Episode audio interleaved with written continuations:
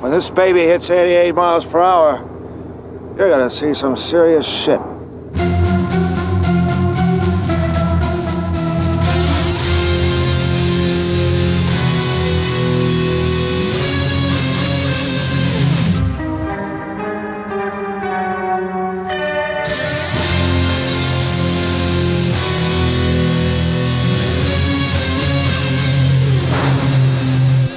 Oi, oi, oi. Der var vi tilbake. Det var akkurat Det var eh, nesten så jeg glemte å mute oss eh, bort. Ja. Eller eh, Ja. Sånn som alle vi hører oss. Er alle med? Ja, alle er med. Alle, alle er med. Ja. Ja. Hjertelig velkommen, kjære lytter, til Attack of the Killer Cast, Norges største trash horror, kultfilm, sci-fi podcast. Det liker vi i hvert fall å tro at vi er. Det er ingen som har protestert på det enda. Nei. Det er ingen som har patent på at vi sier det. Nei. Eh, og i studio så sitter eh, jeg, Chris, og jeg har med meg Kurt og Jørgen. Hei. Hei til dere. Hei, Hei sann. I dag så skal vi snakke om eh, en av mine eh, favoritt-trilogier som har blitt festa til celluloid. Cellofan. det er ikke så veldig lett å snakke, for nå, nå er det jo lenge siden jeg har prata. Ja. Så det er litt sånn vanskelig å komme i gang igjen. Eh, Men vi skal nemlig snakke om eh, Back to the Future-filmene. Og det er vel eh, neppe en kultfilm eller en B-film eller eh, skrekkfilm. Men jeg toucher kanskje litt innom sci-fi. Men eh, Mm. Det er vi som bestemmer hva vi skal snakke om i podkasten her, så vi tenker at eh, det er, mange av våre lyttere har også et forhold til uh, Back to the Future, så uh, Ja, det er filmer som absolutt er verdt å lage en episode om, tenker jeg, da. Definitivt. Mm. De har jo en cult following, i hvert fall. Det har de jo, for det er jo en, uh, en svær greie. Mhm. Det er det. Eh, men ja, eh, før vi eh, tar oss og snakker om Back to the Future, som da er liksom hovedtemaet i en sendingen her, så skal vi jo snakke litt om hva vi har sett siden sist. Eller i hvert fall noe vi har sett i det siste, da, for nå er det en stund siden vi samla oss rundt dette bordet her. men ja, før det, egentlig. Hvordan går det med dere? Har dere hatt en bra sommer? Ja. Åssen var den sommeren? Det har jo vært en lang sommer. Ja. Den vil jo nesten ingen ende ta. Nei, det er jo fortsatt Det er jo sommer over 20 ennå, er det ikke det? Ja. Det er det. Så det har vært eh, bra, sånn sett. Mm. Mm. Så jeg vil si at det er sommeren ennå. Ja, har du drevet med noe krabbefiske, eh, Jørgen? Nei, men jeg krabba etter fisk. Du krabba etter fisk, ja? Ja. ja. Det er jo mm, ingen sommer uten det. Nei, Du krabber til byen og reker deg hjem, du. ikke sant? Ja. ja, men uh, det er uh, Sommeren er over, og høsten står jo for dør. Og det er jo ikke noe bedre enn uh, liksom når det blir litt farve på løva og begynner å bli litt mørkt ute, og liksom sette seg ordentlig i godstolen og se en skikkelig god film eller fem. Det er faktisk veldig ålreit. Så, så, så, sånn sett er jo liksom vår høytid er jo liksom i gang nå, da. Nå som høsten kommer, og det kommer masse eh, ny horror framover. Mhm. vi skal på Ramaskrik i Oppdal. Juhu! Eh, og ja, det er bare, bare spennende, da. Det er oktober og høsten generelt er jo liksom eh, på en måte eh, vår tid, eh, egentlig. Mm. Så det blir jo spennende. Vi skal jo også på Fredrikstad sci-fi-festival i, i slutten av september. Eh, Ja. Noe som jeg tror blir neste episode. Eh, Ja. Altså Ikke så lenge til det. Etter den. Nei, så Tida Eh, går. tida flyr. eh, og det blir jo forhåpentligvis mye moro da i den høsten her. Mhm. Men eh, ja. eh, Før vi snakker om Back to the Future, så kan vi jo snakke litt om hva vi har eh, sett i det siste. Jeg vet ikke om det er noe Har du lyst til å begynne, Kurt? Du sitter jo klar Ja, der med det, notatblokka di. Det har ikke blitt Jo, det, har jo blitt noe, for det er jo noen måneder siden vi var her sist. Så jeg, jeg kan trekke fram om jeg skal kalle det høydepunkter. Det er for filmer som jeg tror kan ha interesse her i gården, da. Ja. Så jeg kan begynne med en film fra 1980 som heter He Knows You're Alone.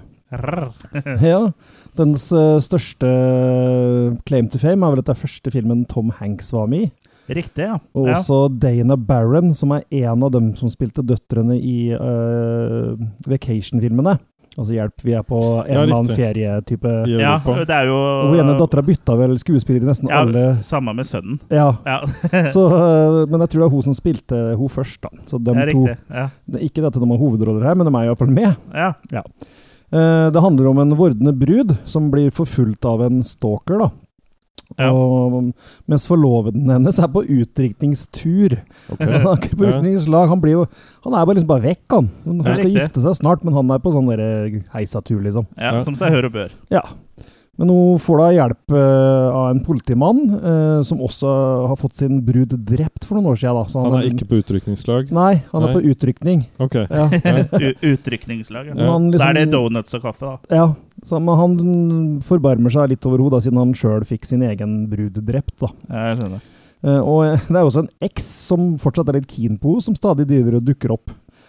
Så lurer litt på hans eh, intensjoner, da.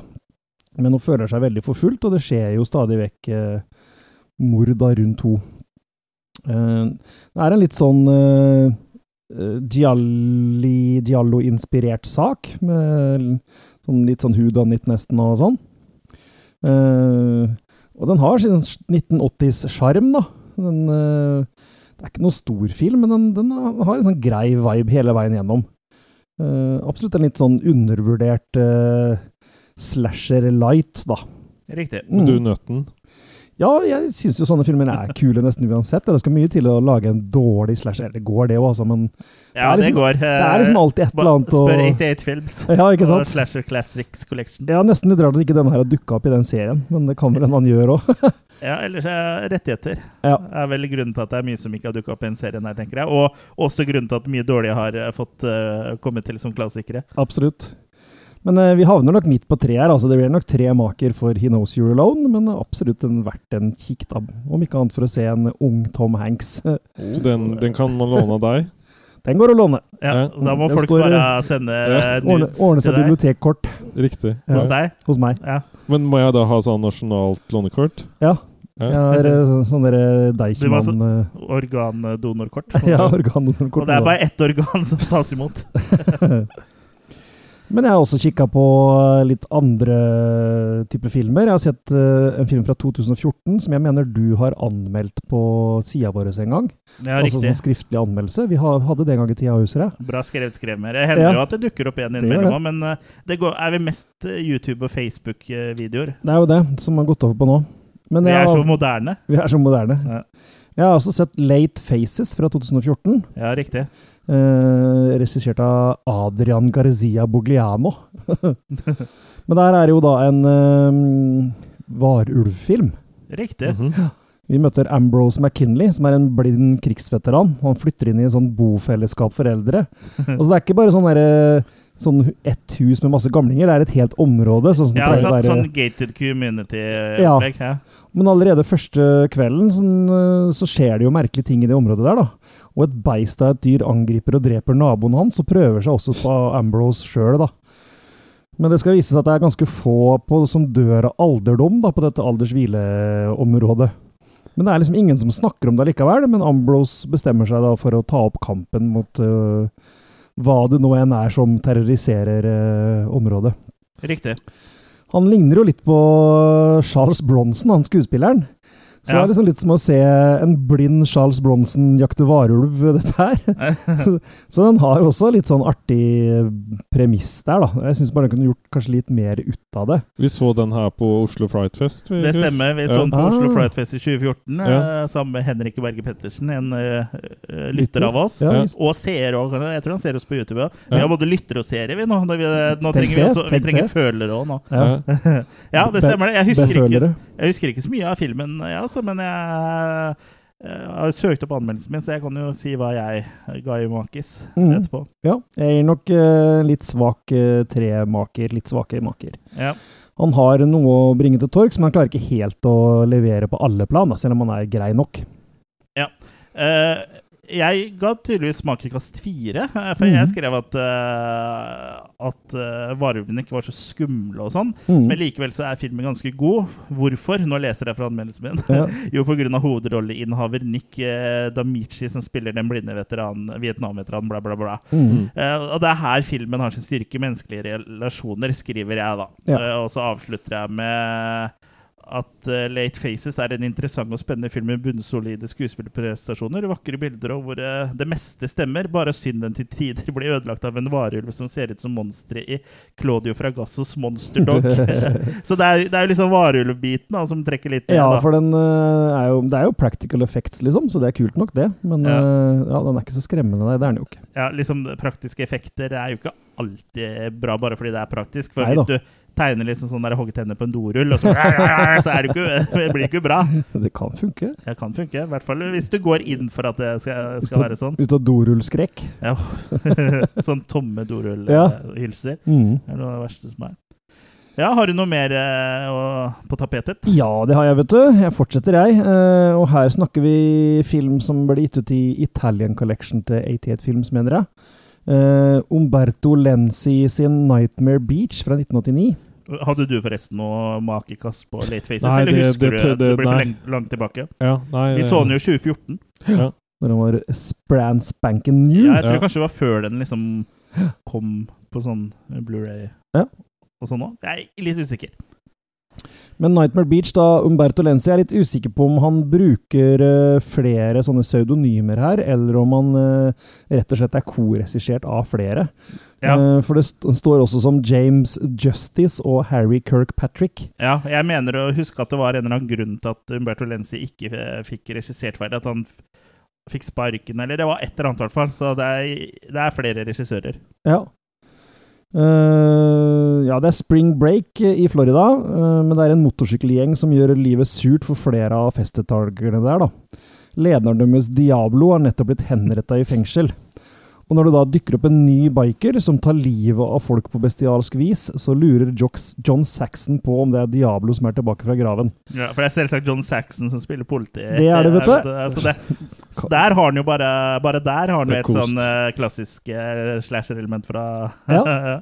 Så den her kunne mest sannsynlig vært med i Slasher Collection, den nå, men den havna da i Italian Collection, da. ja, det er litt merkelig. Det er veldig kul musikk av Claudio Simonetti her, da. Ja. Så det trekker jo selvfølgelig opp. Mm. Eh, og det er eh, til tider ganske gory. eh, oppfinnsomme kills. Mm. Eh, så egentlig en ganske kul film, men det er, det er jo en, ja, en italiensk no budget movie. Ja.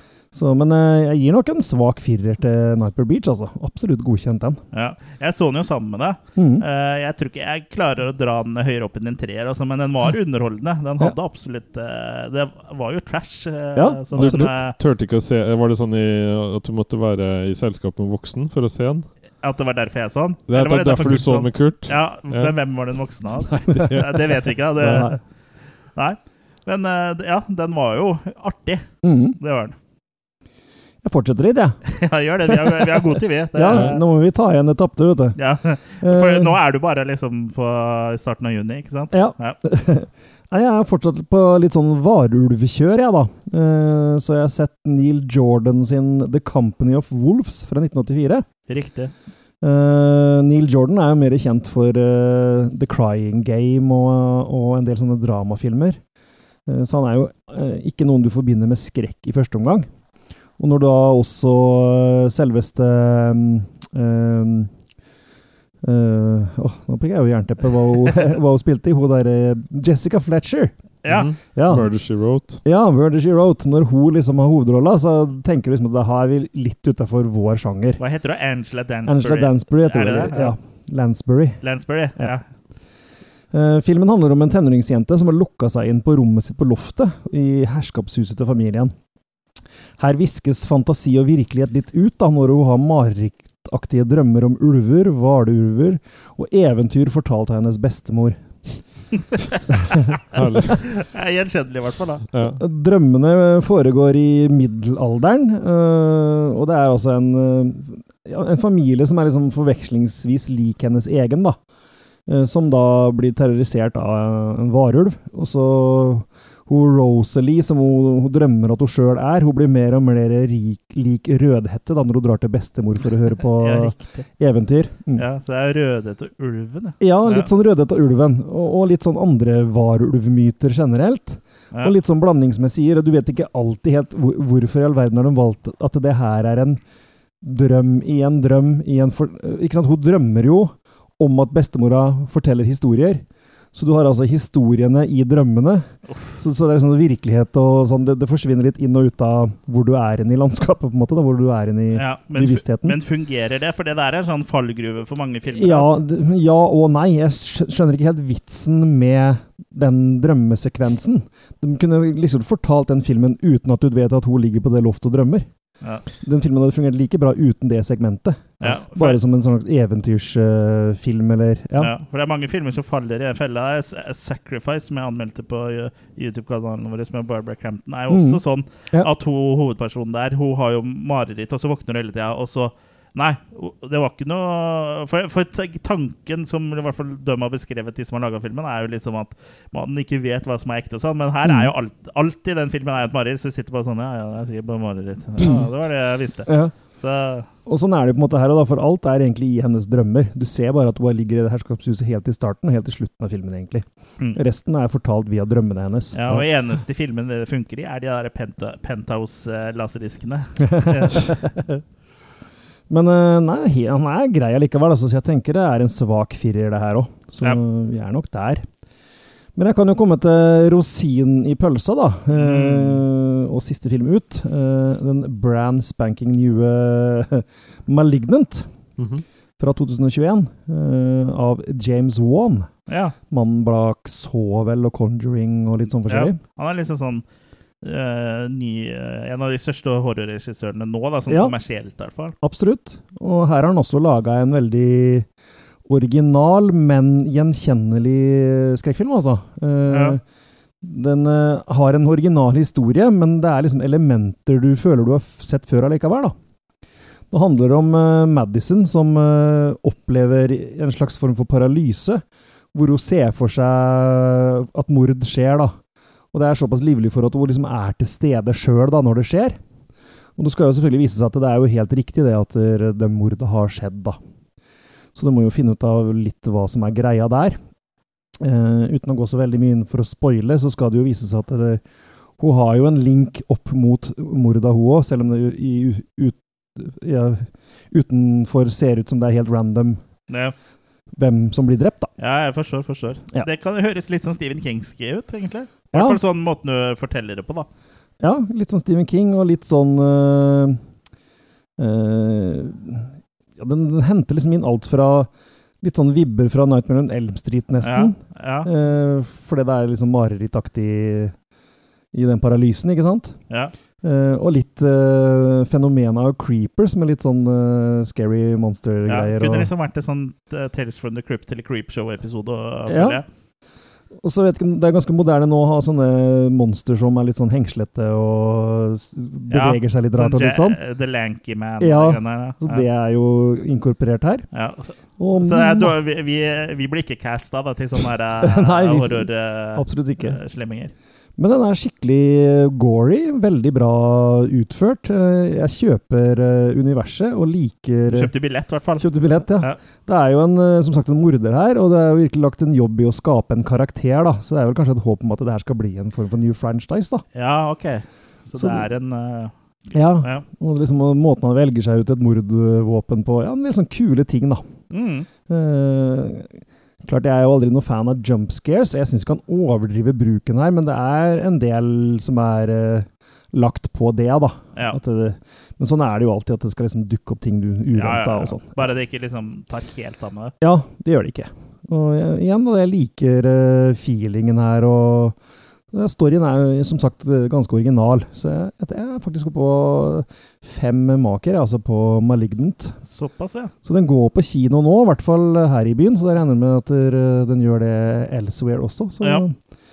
dra og få den sett, hvis dere har mulighet til det. Ja, absolutt. Mm. Da tenker jeg Hva sa du?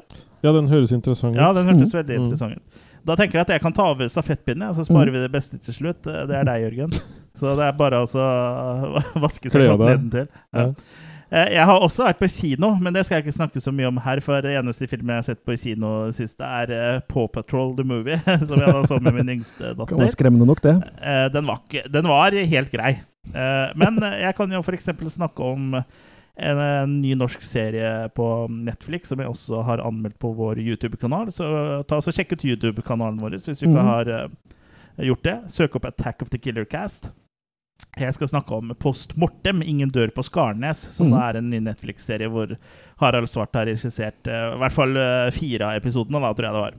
Mm. Uh, Post Mortem Ingen dør på Skarnes er en ny komitrilleserie med litt sånn horrorvibber. da, Ispedd en eh, liten dose Fargo og en klype Twin Peaks. Mm. Den er da på seks episoder, som sagt, hvor, eh, hvor de da fire første er regissert av Harald Svart. Og hele serien er vel skrevet av Petter Holmsen. Serien starter eh, med at Live Hallangen blir funnet død på et jorde i Skarnes. og det blir jo stor lykke og stå hei, i det lokale begravelsesbyrået som står på randen av konkurs, for at de endelig får noe å gjøre. Mm. Eneste som er øh, litt kjipt, da, er jo at øh, dødsfallet da er søstera til Odd Hallgren, som da driver i begravelsesbyrået, så da må de jo betale for moroa sjøl. så da eh, ble de ikke redda allikevel. Men eh, det som er litt spesielt, er jo at få timer etterpå så våkner Live da på obduksjonsbordet. Eh, Men hun er ikke helt seg sjøl. Hun har en sult eh, som bare kan mettes med menneskeblod. Og hun Live da, hun prøver jo da å tilpasse seg det nye livet med de nye lystene. Samtidig som da broren Odd prøver av alt han kan for å holde da familiebedriften, som også er dette begravelsesbyrået, flytende. Eh, Så Post Mortem er i bunn og grunn en vampyrserie, da, satt i ei lita bygd. Men ikke vampyrer sånn tradisjonelt sett, da, for hun kan jo gå ut i sola og, mm. og gjør seg ikke om til en flaggermus og sånne ting. Så reglene er liksom litt uh, endra, da. Mm -hmm. uh, men blodtørsten er jo der, så det er liksom det som er uh, den vampyrbiten av det, da. Hun går i blodbanken. Ja. Men uh, det er litt forfriskende da, å se en norsk serie som beveger seg litt sånn bort fra sosiale realisme, og, som er liksom, eller krimsjanger, da, som på en måte prøver å holde seg veldig nærme virkeligheten, og heller liksom gå litt mer mot skrekk eh, og fantasy. Det syns jeg er positivt. Mm. Eh, Post Mortem Ingen død på Skarnes er egentlig en ganske underholdende serie, og har nok av overraskelser til at den er interessant, syns jeg. Og skuespillet syns jeg til tider kan være litt stivt, eh, men det er ikke noe som ødela sånn nevneverdig for serien. da. Eh, Så på Post Mortem Ingen død på Skarnes så havner jeg på en makekast fire. Mhm. Eh, Så det er verdt å sjekke ut, altså. Ja, jeg har faktisk sett den, jeg òg. Ja. Så jeg likte den godt, jeg òg.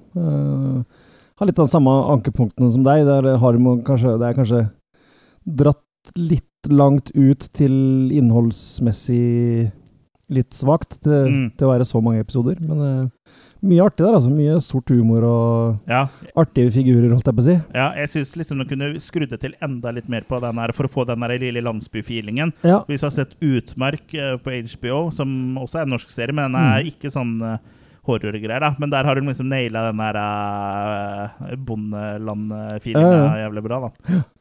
Så kunne det vært Det er jo gory når det skjer noe, men det kunne kanskje vært enda mer eh, av den Ja. der eh, tørsten, da. Ja, enig, men det, det kommer jo sikkert en sesong til, tror du ikke? Det kan godt hende. Men det var i hvert fall eh, Jeg, jeg syns ikke det var dårlige greier, da. Nei jeg tenker det. Jeg sier en, svak, en sterk firer på den, jeg, altså. Ja. Det var underholdende, den.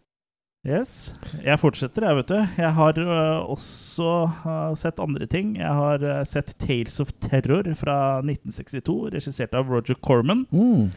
Eh, som er en antologifilm med tre korte historier basert på historier av Edgar Allan Poe. Mm. Nemlig Morella, The Black Cat og The Facts in the Case of M. Valdemar. Ja. Eh, så alle de tre her er da eh, regissert. Jeg ble veldig amerikansk. eh, jeg, jeg, er bestefar Cosby.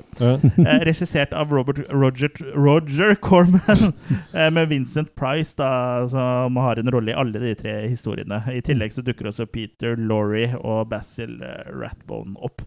ja. Selveste Sherlock Holmes. Ja. Så min favoritt av de tre historiene her må nok være The Black Cat. Eh, Som det også finnes mange andre filmatiseringer og adopsjoner av. Ja. Eh, For her eh, skinner han Peter Laurie skikkelig i rollen som en, sånn for, som en forsmådd, alkoholisert ektemann. da. Mm. Og en liten spoiler-warning eh, her. Han finner jo ut at Vincent Price sin karakter har en affære med kona hans, og han ender jo da med å mure de opp inni eh, murveggen i kjelleren. da. Men eh, når politiet da er å etterforske forsvinninga til disse to, så blir han nemlig avslørt, eh, fordi han har også mura inn eh, en svart katt da, som liksom har, som han har, som har drevet og plaga han liksom tidligere i filmen. da. Ja. Eh, for han er jo liksom så nærme å komme unna med det, fram til liksom i det politiet skal dra, så mjauer det inne fra murveggen, og da slår de ned veggen og finner jo da disse to, da. ja, riktig. Eh, så det er jo en klassisk sånn Edgar Allan Poe-historie. Og det fins jo mange adopsjoner av den, som sagt. Ja. Eh, men jeg syns at eh, det er liksom noe med det gamle Ro Roger Corman Roger Corman og når du har da Edgar Allan Poe-historier og Vincent Price i tillegg, så blir det, det blir noe spesielt. da. Jeg syns det er for meg veldig underholdende. da. Så det her likte du? Det her lik, likte jeg. Jeg syns jo at eh, de er en god kombo. Og mm, det er veldig sånn eh, deilig å se på en søndags formiddag eller noe sånt. Litt sånn søndagsmatiné. Eh, så jeg ender opp med å gi Tales of Terror makekast fire. Mhm. Og så har jeg én til før jeg sender stafett, stafettpinnen videre. Og når jeg først var på Edgar Allan Poe-kjøret, så så jeg også Black Cat fra 1982 av Lucio Fulci. Mhm. Eh, for jeg var jo i svart katt-modus, jeg. Eh, Ja. Så da så jeg da en annen adopsjon. Eller den er jo mer inspirert da, Ja. av historien, for det er jo liksom dratt ut i en langfilm her. Um, så den tar jo en litt annen retning. Eh, men professor Robert Miles, da, han er synsk og kan ved hjelp av telepati styre eh, sin svarte katt. Og han bruker da den katten til å hevne seg på og drepe sine fiender, da. Eh, og så den filmen her har jo også menneske og katt som blir murt inne i veggen. Uh, men ellers er jo filmen litt mer sånn uh, giallo-thrilleraktig, med litt skrekkelementer. Uh, ikke ren skrekk. Men Fulci han leverer varen annen. Og så har jo da David War Warbeck da, som den tøffe kriminalinspektøren Gawley. Så det er jo italiensk, da, så det er jo litt mer sånn giallo, som jeg sa. Eh, så hvis du liker italiensk, så er det her absolutt noe Absolutt nø Absolutt. Der fikk jeg drept absolutt noe du må forsyne deg av, da. Så jeg ender på en makekast fire også på Black Cat uh, av Lucio Fulci. Ja, jeg har også sett den, så jeg måtte, jeg måtte gå og sjekke hva jeg har uh, rata den før. For jeg mener jeg husker den var litt sånn småslapp, at det var veldig mye sånn katt ute tusle-scener som ikke uh, førtes veldig mye med seg. Eh, så jeg havna nok på en treer, jeg, sånn på den så det ut som her. Midt, Mm. midt på treet. Ja. ja jeg sy- syns ikke det var så mye uh, kattetusling, men eh, du, ble, du følte deg kanskje litt sny, snytt når du liksom forventa at det var mye pussy som kommer at det var det. Men ja, det var det jeg har sett. Ja. Jeg tenkte også å dra fram en jeg ikke har sett om igjen. For det har jeg jo snakka om nå i de der tirsdagsvideoene, så er det jo flere jeg har sett om igjen. Men jeg tenkte å si om en jeg har sett da for første gang. Ja. Og det var i 2004. Og du nevnte jo Så nå for ikke lenge siden, Kurt. Mm. Og jeg eh, hadde liksom egentlig bestemt meg for å ikke se de filmene før jeg måtte. Men så Mm. bare tenkte jeg nå en kveld eh, hvor eh, vannet rant på badet, så bare tenkte jeg liksom Nå er tiden inne. Så jeg satt på, da. Uh, og det her var jo Vi kan si kort hva det handler om, da. Uh, det er jo to, uh, to menn, Adam og dr. Lauren, som våkner opp på et baderom. Hvor de har blitt tatt av en sånn seriemorder. Mm. som blir kalt da for Jigsaw. Og de er jo da et sånt dødelig spill, da, hvor de har fått en del sånn clues og hint og Hvor de da må ta seg uh, unna, da. Føre dem uh, For han uh, morderen her er jo sånn at de, de tar jo på en måte livet sitt eh, sjøl, hvis ikke Hvis ikke de greier å løse den Gåten hans. Gåten, ja. Mhm. ja. Uh, så det her var jo veldig underholdende, og jeg likte jo den her uh, meget godt. Og det var også hyggelig å også se han uh, Glover, da, fra, farlig, fra Dødelig våpen og sånn. Å ja, han med der, ja. Ja. Han drev og løpte rundt og prøvde å finne morderen. Mm, I'm too old for this shit, sa han da. Ja, riktig. Ja. I'm getting too old. Nei, nei, så den, den var jo Jeg liker jo veldig godt Seven eh, og sånne filmer som den Eight. sannsynligvis ja, Mhm. eh, er inspirert av. Så det, det her var jo på en måte Jeg skal se flere, for å si det sånn. Eh, så det, det blir en femmer glatt, liksom. Mm. Så ja. Jeg kan jo nevne også den ene av de jeg så på nytt igjen nå. Uh, det var jo da 'Scanners' fra 1981. Mm. uh, av en av favorittregissørene mine, David Cronberg. Og en skanner, bare for å ta det veldig fort, det er jo da en som da kan uh, få pulsen din til å banke hardere, for å si det sånn. Han kan lese tankene dine, eller få hodet ditt til å eksplodere. Hvis du lurer på hvilket hode, så må du se filmen. Um, nei da, så det er, det er jo Vale da, som uh, blir tatt inn i kampen, da. Um, for for å kjempe da mot lederen Revok, spilt av en eh, Michael Ironside i veldig god form. Mm. Um, og han skal da forfølge og på en måte få, få drept eh, han, da. For å på en måte Og det, det, det, baller jo på seg med at det er veldig mye som overrasker underveis. Som gjør at uh, vi ikke kanskje helt skjønner åssen ting ender og sånn. Så anbefaler å se den. Det her var visst en uh, gjennombruddsfilm for David Cronenberg. eh, at han ble mer kjent uh, utafor Canada og sånn, da, og i Mm. Europa og sånne ting. Så um, på ingen måte en perfekt film. Jeg er ikke helt enig i castinga og sånn. Vale blir veldig sånn der uh, seig og treig og ikke sånn veldig jeg, jeg, jeg, jeg tok og så litt på YouTube og sånn litt rundt, og det, han ene som uh, snakka om casting, trodde mye det var pga. øya da, til han som spiller Vale. At det var de øya han ønska seg. Men så tenker jeg liksom han må jo ha en som funker i rollen også. Han, Så det blir uh, tre han pluss. drukna i øya hans, Ja. han Mm. faktisk, han ja. Cronberg, da. Ja. Ja. Så han måtte ha sånn livredningsbøye og sånn.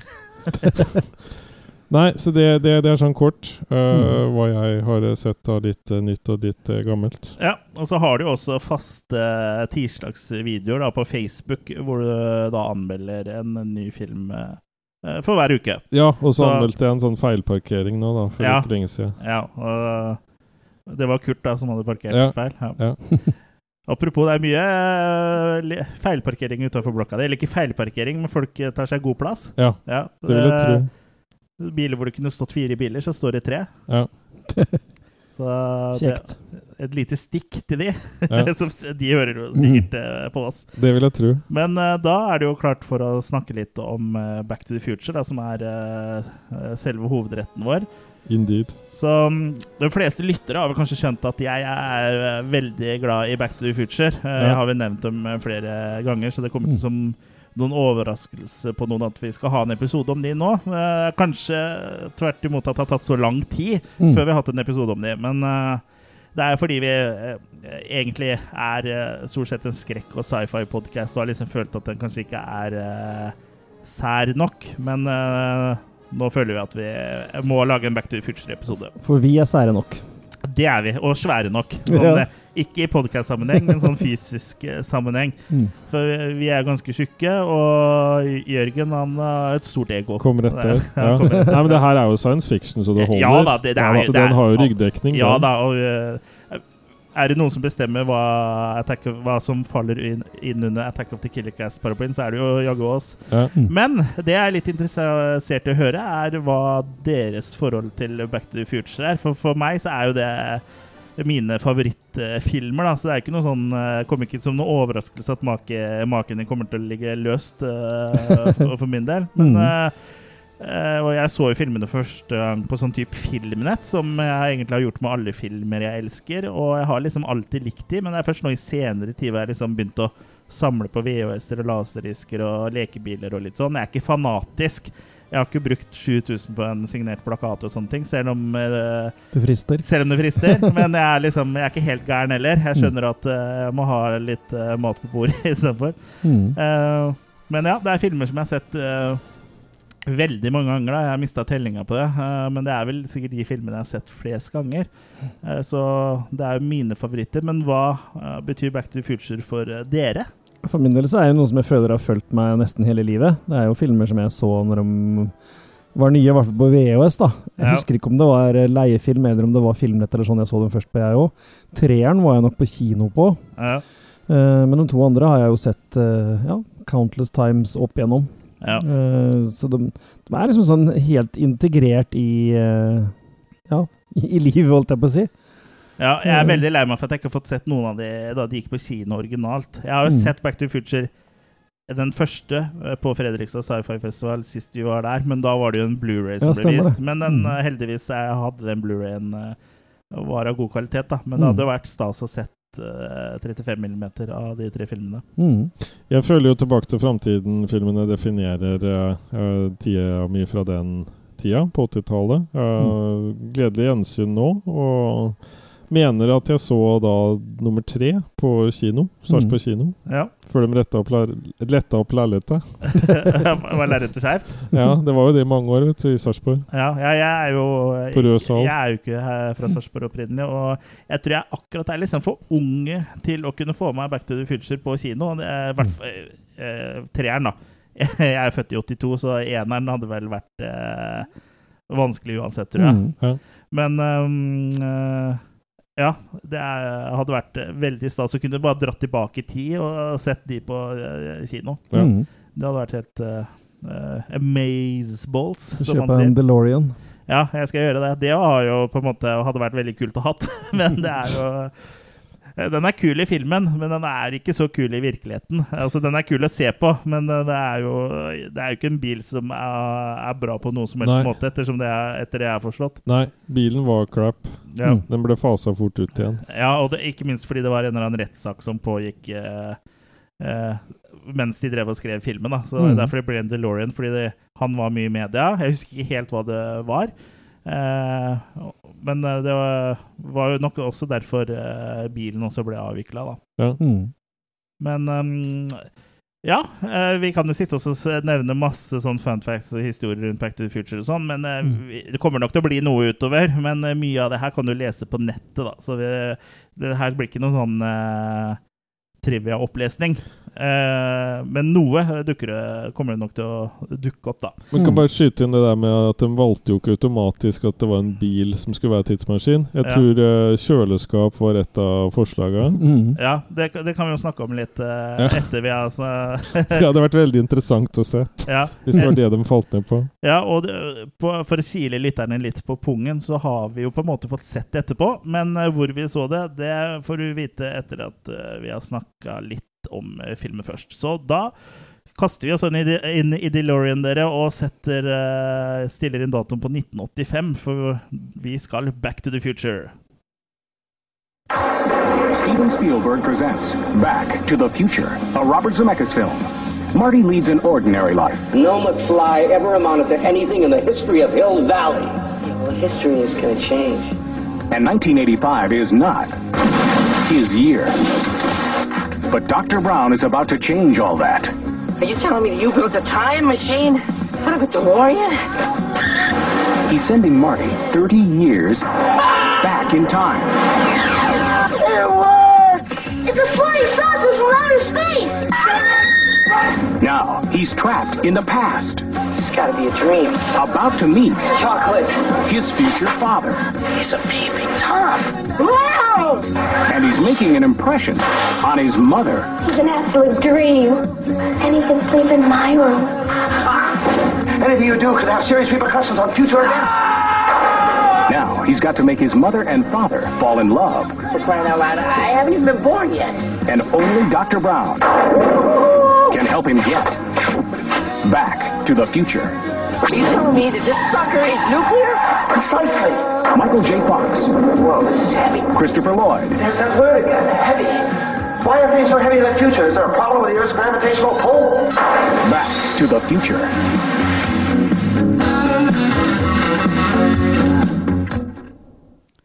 Back to the Future fra 1985, regissert av, av Bob Zemeckis. -hmm. Og skrevet av han og Bob Gale, da. Mhm. Ved et uhell så reiser Marty McFly tilbake i, til 1955 i tidsmaskinen eh, til Doc Brown. Og for å komme seg tilbake til 1985 så oppsøker han da den yngre Doc da i 1955 for å få hjelp av han eh, til å reparere tidsmaskinen og komme seg tilbake til sin egen tid. Men det er et lite problem. Bilen trenger 1,21 gigawatt for å kunne skape nok energi for å kunne reise gjennom tid. Og det eneste som kan produsere så mye strøm i 1955, er et lynnedslag. Heldigvis vet Marty når det kommer til å slå ned klokka på rådhuset i Hill Valley, og sammen så reparerer Marty og Doc tidsmaskinen. Men det har oppstått et lite problem. For ved å redde sin egen fremtidige far å, fra å bli påkjørt uh, av uh, faren til Martys mor, så har han ved et uhell tatt det som skulle da være farens uh, plass, hvor de da ble forelska i hverandre, og endte opp med at da moren heller blir forelska i han. Eh, så nå er det da opp til Mali å fikse historien og få mo mora til å falle for faren, sånn så han ikke blir viska ut fra eksistensen, og så er det bare å komme seg tilbake til eh, fremtiden. Eh, så det er jo en film med en sånn En, en, ganske en enkel, rett fram historie. en På en måte så er den jo enkel rett fram, men den er jo også liksom eh, noe helt for seg sjøl, da. Den var krevende å skrive. Ja, Mm. og ikke minst skrevet. Mm. Eh, og det her er jo den første filmen også som er presentert av Steven Spielberg. For, for sånn Steven Spielberg Presents, for han har jo Ja. ikke eh, hatt så mye med filmen å gjøre. Han har vel vært produsent, eh, Ja. men han har jo At det liksom, han brukte navnet for å liksom hausse opp filmen, da. Eh, For han er jo en av de få som hadde sånn veldig tro på eh, den filmen her, egentlig. Ja, for det er jo nettopp det, at uten han så hadde det mest sannsynlig ikke blitt noen film. Nei. Og det var jo andre stu eller studio sånn som prøvde å stikke en del kjepper i hjula når det gjaldt navn og mange sånne ting som de ville endre på dem. Ja, så er studioet. Ja. Studioet, som Ja. eh, Spielberg bare gikk inn og redda opp, liksom. Det var nok veldig fordel at de hadde med seg en litt sånn tung fyr som kunne sikre prosjektet, sånn, ja. sånn sett. Ja, for Sid Scheinberg, da, som er eh, på en måte Spielberger sin eh, assistent, Mm. eh, det var han som eh, foreslo at filmen skulle hete 'Spaceman from Pluto'. da. Ja. Og da var jo Bob Gale og Bob Zemeckis var jo liksom veldig sånn fra seg. Liksom, for han her var jo en fyr med mye makt og sånn, som ble Ja. sånn stressa. Liksom, det kom jo til å ødelegge alt og sånn. Ja. Og da fikk jo Steven Spielberg en idé om å bare sende han uh, Sid et memo, da, Ja. hvor det sto 'Takk for den vitsen, eh, you Mm. made us all laugh', og det var dagens og sånn. Og da hørte de ikke noe mer fra han om den tittelen, så da ble det jo da Back to the Future'. Men det som er litt sånn interessant uh, om hvordan eh, Bob Gale uh, fikk ideen til Back to the Future, er jo at uh, mens han var hjemme hos foreldra sine Gravde og gravde litt i historien. historiene eh, i kjelleren eller loftet eller hva det var for noe, så fant han jo årboka til faren. Mm. Uh, og fant ut at, at faren var tillitsvalgt og var liksom en populær fyr på skolen. Litt sånn motsatt egentlig av det Bob Gale, som er litt mer sånn uh, nerdete fyr som liksom var i sjakklubben og sånn science-type. da. Mm. Så han begynte jo da å tenke liksom, ville han og faren vært venner om de gikk på skolen sammen? Og sånn var liksom da ideen til Back to the Future uh, uh, født, da. Uh, sa vi ikke skulle ha så veldig mye trivia, men vi må snakke litt om bakgrunnen for ting og sånn. Ja. Uh, for det var jo litt uh, De slet jo litt med å få den uh, Få Back to the Future til å bli virkelighet. For eh, Mm. Robert Zemeckis, nei, Robert Zemeckis og Bob Gale hadde jo samarbeida eh, flere ganger tidligere, og alt de tok i, ble jo egentlig bare Det gikk drit. ikke helt eh, bra, nei. Nei, Så ideen ble jo da enda vanskeligere å selge til studioene, ikke sant? For det, eh, studioene ville jo ikke ha det her, for de syntes liksom det var for banalt. De ville ha sånn raunchy komedier for, med sånn, sånn pupper og litt sånn eh, Porkies. ja, så for det var jo det som var populært på den tida.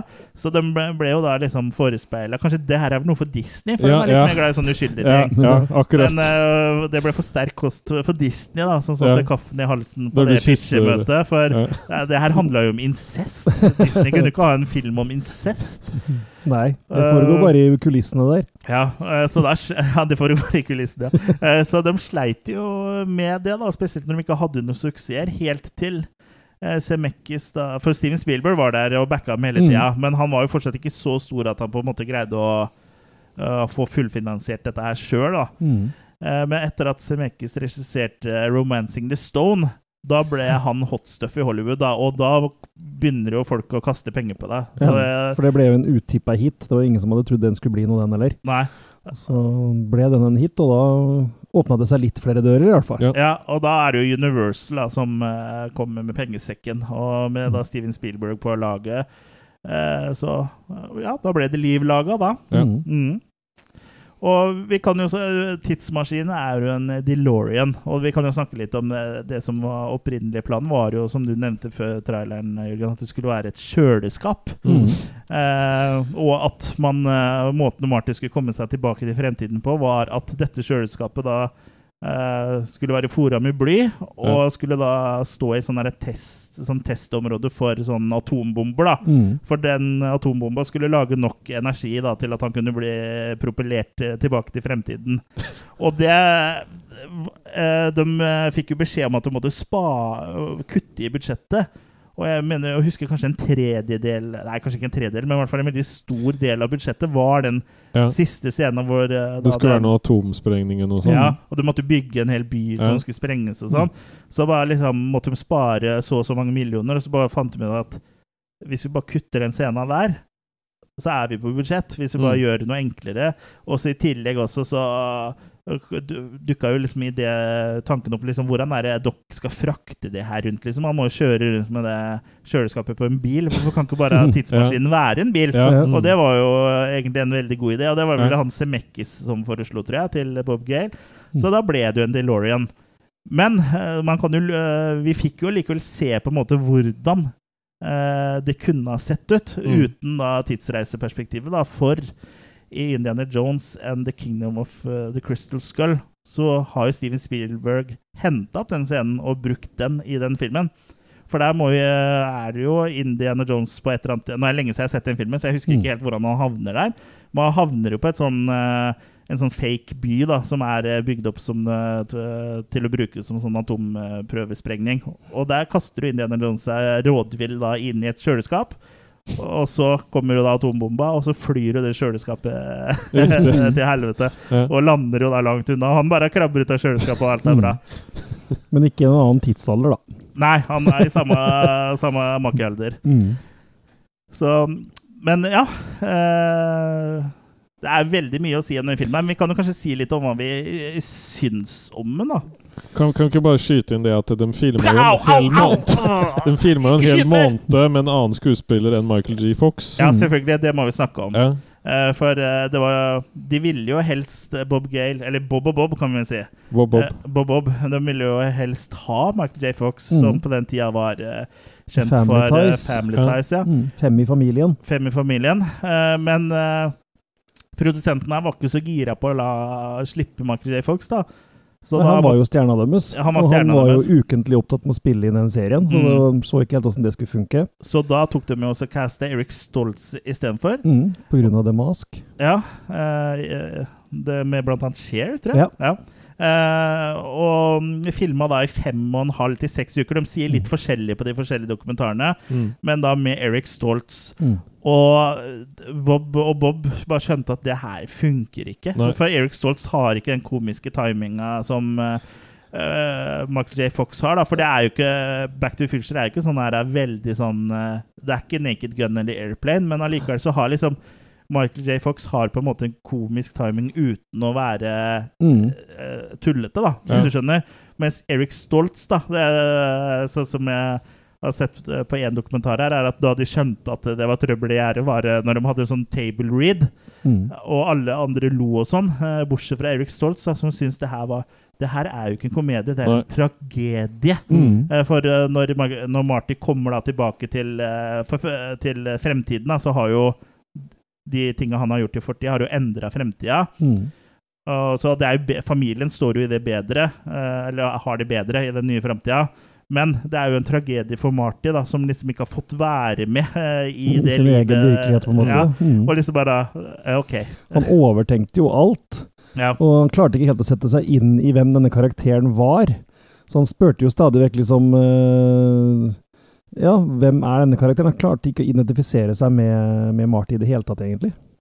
Noe Michael J. Fox da gjorde glimrende i etterkant, og lagde en slags sånn øh, pubertal øh, fyr, egentlig. Ja. Litt sånn merkelig diksjon, og, eller ikke diksjon, men øh, You build a time Ja. Jeg klarer jo ikke å etterligne det. Jeg hørte, jeg hørte var en eller annen sånn der, uh, rar karakter i eh, Sopranos, liksom. Spilt av og det, og det funker så bra ved siden av Christopher Lloyd. Ja, og ikke minst Crispin Glover, eh, ja, som også er sånn off, liksom. Veldig bra kjemi eh, mellom alle de der, og ikke Mm. minst også eh, Lorraine, da. Og som spiller Lorraine. Claudia Wells. Nei, Lorraine er Nei, mora. mora, selvfølgelig. Mm. Ja. Men ja, bra, bra, bra der også. Mm. Um, Hva skulle jeg si? Jo, for ha- han Sid Scheinberg han var jo veldig på at eh, hun skulle bruke Eric Stoltz. da. Ja, ja. Så han hadde jo sagt at hvis det ikke funker, så får dere lov til å liksom på en måte starte på nytt. Og da Det sa de jo til han Ja, det angrer han nok på, for det er mye penger Ja. eh, når man må filme fem og en halv til seks uker på nytt. Ja. Men de sa at det her funker ikke. Mm. Og så fikk de jo da Uh, han produsenten uh, på Family Ties til å gå med på at så lenge det ikke gikk utover Family Ties-innspillinga, så kunne Michael J. Fox fristilles eh, til Eller ikke fristilles, da, for han Nei. måtte jo fortsatt være der Ja, ja. like mye, men han brukte resten av tida på Back to the Future. tilbake. Så han jobba jo da med Family Ties på dagtid, og, Mm. Nei, og Back to the Future da på kveld- og natterstid. Mm. Eh, Så da fikk de jo den Martin eh, de ville, og han eh, Martin, Michael J. Fox jobba 24 timer i døgnet omtrent. Mm. Mm. Ja, gjør. Men det er, det er sånn du kanskje orker når du er eh, sju år, eller hva man har for noe. Mm. Um, og må jo eh, Jeg tror jo ikke Back to the Future hadde blitt den suksessen som det har blitt hvis Erik Stoltz hadde blitt eh, værende i den rollen, og med den tanken om at det her er en tragedie. Og Mm. jeg har jo sett noen av de sletta scenene som fins, annet hvor han møter av, av George McFly, altså sin kommende far, i den dineren. Mm. Uh, så er det jo Det er rart, liksom. Ja, ja. Og han har jo liksom ikke den uh, den uh, kvaliteten, de kvalitetene som Michael J. Fox har, da. Nei. Det er vanskelig å sette fingeren på hva men- som er så bra med Michael J. Fox, for han har på en måte en Han- sånn sjarm. Uh, Han har en veldig bred Ja, appell. En sånn ungdomslig quirkiness. Ja, og veldig Ja, absolutt. Mm. Uh, så det er jo utrolig bra casting uh, her, da. Også Mm. Christopher Lloyd også, som da eh, eh, Doc Brown er jo helt eh, fantastisk. Mm. Så er det utrolig mye eh, filmatisk bra her. Det er satt sammen ganske kult. Bare i åpningsscena så ser du jo Doc har jo masse klokker på veggene overalt i, Ja. i huset sitt. Ja. Og en av klokkene er jo egentlig en klokke av han sjøl, hvor han henger på den viseren på klokketårnet. Nei, det er jo ikke han. Det er den stille For akkurat den scenen som er på slutten med det klokketårnet, er jo en sånn kjent uh, Buster Keaton-film. Ja, sånn, ja. Ja, okay. Så det bildet er av Buster Keaton. Ja, Ok, men det er uansett et frampek da, til at Ja. han sjøl henger i Ja, klokketårnet for senere. liksom. hele Jeg mener det er Buster Keaton er en av de Ja, du stumfilmstjernene, i hvert fall. Eh, for hele den sluttscena der og er jo inspirert av den eh, Jeg husker ikke hva den filmen heter, men, Jeg vet det så godt, men jeg klarer ikke å komme på det akkurat ja, nå. men jeg mener at det er Buster Keaton. Eller er det Harold Lloyd? Det er Harold Lloyd, tror jeg det er. Eller eh, det, Det er jo en veldig kjent scene. Nei, det, Mm. det er Buster Keaton, ja. Men det er Harold Vent litt, da. Nå Safety Last. Safety Last, ja. Ja, det er Harold Lloyd. Ja. Men ja, det, er, det bildet er av- fra den filmen. Mm. Så men det er veldig gjennomført sånn sett, da. Og alle disse oppfinnelsene hans som ikke helt funker som de skal. og det er liksom Ja, så En oppfinnelsen i starten her òg, med liksom klokkene bare 'Eksperimentet mitt fungerte!' Mm. Alle klokkene går eh, akkurat 25 minutter for sakte. Ja. Ba, oh, oh. Og da får han Marty det veldig travelt med å komme seg til skolen. Ja. Mm. Men for meg så starter liksom filmen for alvor liksom når du hører Huey Lewis and the News Power of Love, liksom. Når Ja. han begynner å eh, henge bakpå på bilen med Ja. skateboard Mm. og sånn. Fra og med da så er du liksom hekta. ja, Og det er jo ikke langt inn i filmen. Så, eh, for det er jo eh, rett etter den første scenen. Ja. Mm. Mm. For det òg, musikken her, er jo veldig bra. liksom. Jeg er ikke noen sånn Mm. Huey Louie and uh, The News-fan, egentlig, men jeg er jo fan av Back to Future-låtene deres. da. Ja. Mm. Jeg har kanskje ikke hørt noe annet fra Huey Louie and The News, eh, egentlig. nok den som er mest kjent, iallfall. Ja. Ja, eh, men uh, Ja. Så det, det pass, alt bare passer veldig bra sammen, Mm. da. Mm. Ja. Og ikke minst uh, temamusikken til Alan Silvestre den som har laga soundtracket her, Ja, ja. er jo også det, Alt er liksom bare så sånn uh, Man kjøper det. Alt funker så bra, da. Alt Mm. blir bare så eh, episk og på en måte klassisk, da. Ja. Jeg vet ikke om folk liksom følte at det var klassisk første gang de så det i 1985, men jeg må nesten tro det, for det er jo liksom Det blir sånn Star Wars og Indiana Jones, det var, Mm. man må liksom ha skjønt da at det her var noe spesielt. Ja, det må, jeg, jeg syns jo det her er liksom fra det jeg kaller min uh, Hollywoods gullalder, hvor alt Ja. var nytt og fresht, og det var liksom uh, idémyldring på høyt plan, da. Ja. Og så gjennomføringa så bra òg, så Nei, absolutt. Det må jo ha vært kult å se den her når den var helt ny. Ja, og Mm. jeg syns filmen er liksom fantastisk på alle måter. Og så er den jo et skoleeksempel da, på god bruk av uh, å plante ting, liksom. Mm. Uh, For eksempel sånn at uh, du vet, blir etablert eh, tidlig i filmen, som Jørgen sa, at Marty står på skateboard, og at han kan det. Det vet vi jo da, når Mm. han senere liksom har den derre Hvor han blir jaga av Biff og gjengen i 1955 og på uh, en måte finner opp skateboardet. da. Mm. Eh, Så da, da vet du liksom allerede at ja, han er god på skateboard, og ja, og sånn er det hele tida. Liksom alt, det er ingen, det, for I filmer som er litt sånn dårlig skrevet, så bare dukker det plutselig opp at uh, en eller annen karakter har en evne, liksom. Så bare OK, hvor kom det fra? Men her er liksom alt sånn veldig Mm. uh, Det er liksom Hvis en karakter gjør noe senere i filmen, så har det liksom blitt planta sånn at det ikke blir overraskende Ja, ja. senere i filmen. Og det eh, Filmer i den skalaen her er jo som regel ganske gode på det, men det her er sånn veldig sånn skoleeksempel Mm. på det, syns jeg. da Og det- Det bruker han jo også seinere, fordi de tingene han legger opp til, de blir jo gjentatt også med litt variasjon Ja. utover i Mm. filmrekka. Ja, man bruker liksom sånn på en måte en sånn eh, eh, nod til de forrige filmene, når vi kommer eh, utover. Ja, Nesten, kom- kom nesten videre, da. fanservice før fanservice var en greie. Ja, ja. Ja. Og den ble jo populær, den her. Uh, og jeg husker jo når jeg så den uh, i, i gamle dager, så sto det jo alltid 'To be continued' før rulleteksta begynte.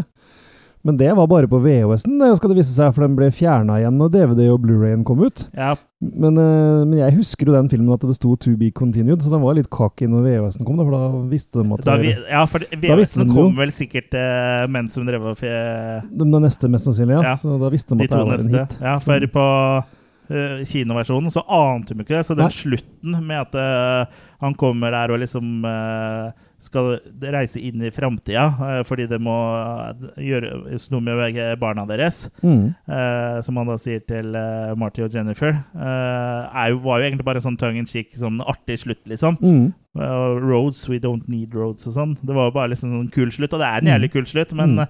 eh, de eh, tenkte nok ikke på at de måtte på en måte følge, Følge opp, opp det der. videre, nei. Så men, måtte eh, jo gjøre noen eh, grep senere. ja, Mm. Uh, men uh, ja, utrolig bra film. Den har jo også liksom litt sånn uh, den coming of age-feelinga som jeg da Mm. gjør, ofte gjør en film for meg, da, som gjør at jeg liker til filmer som It og, Mm. og The Goonies og mm, Stand by Stand. By Me og sånne ting. Mm.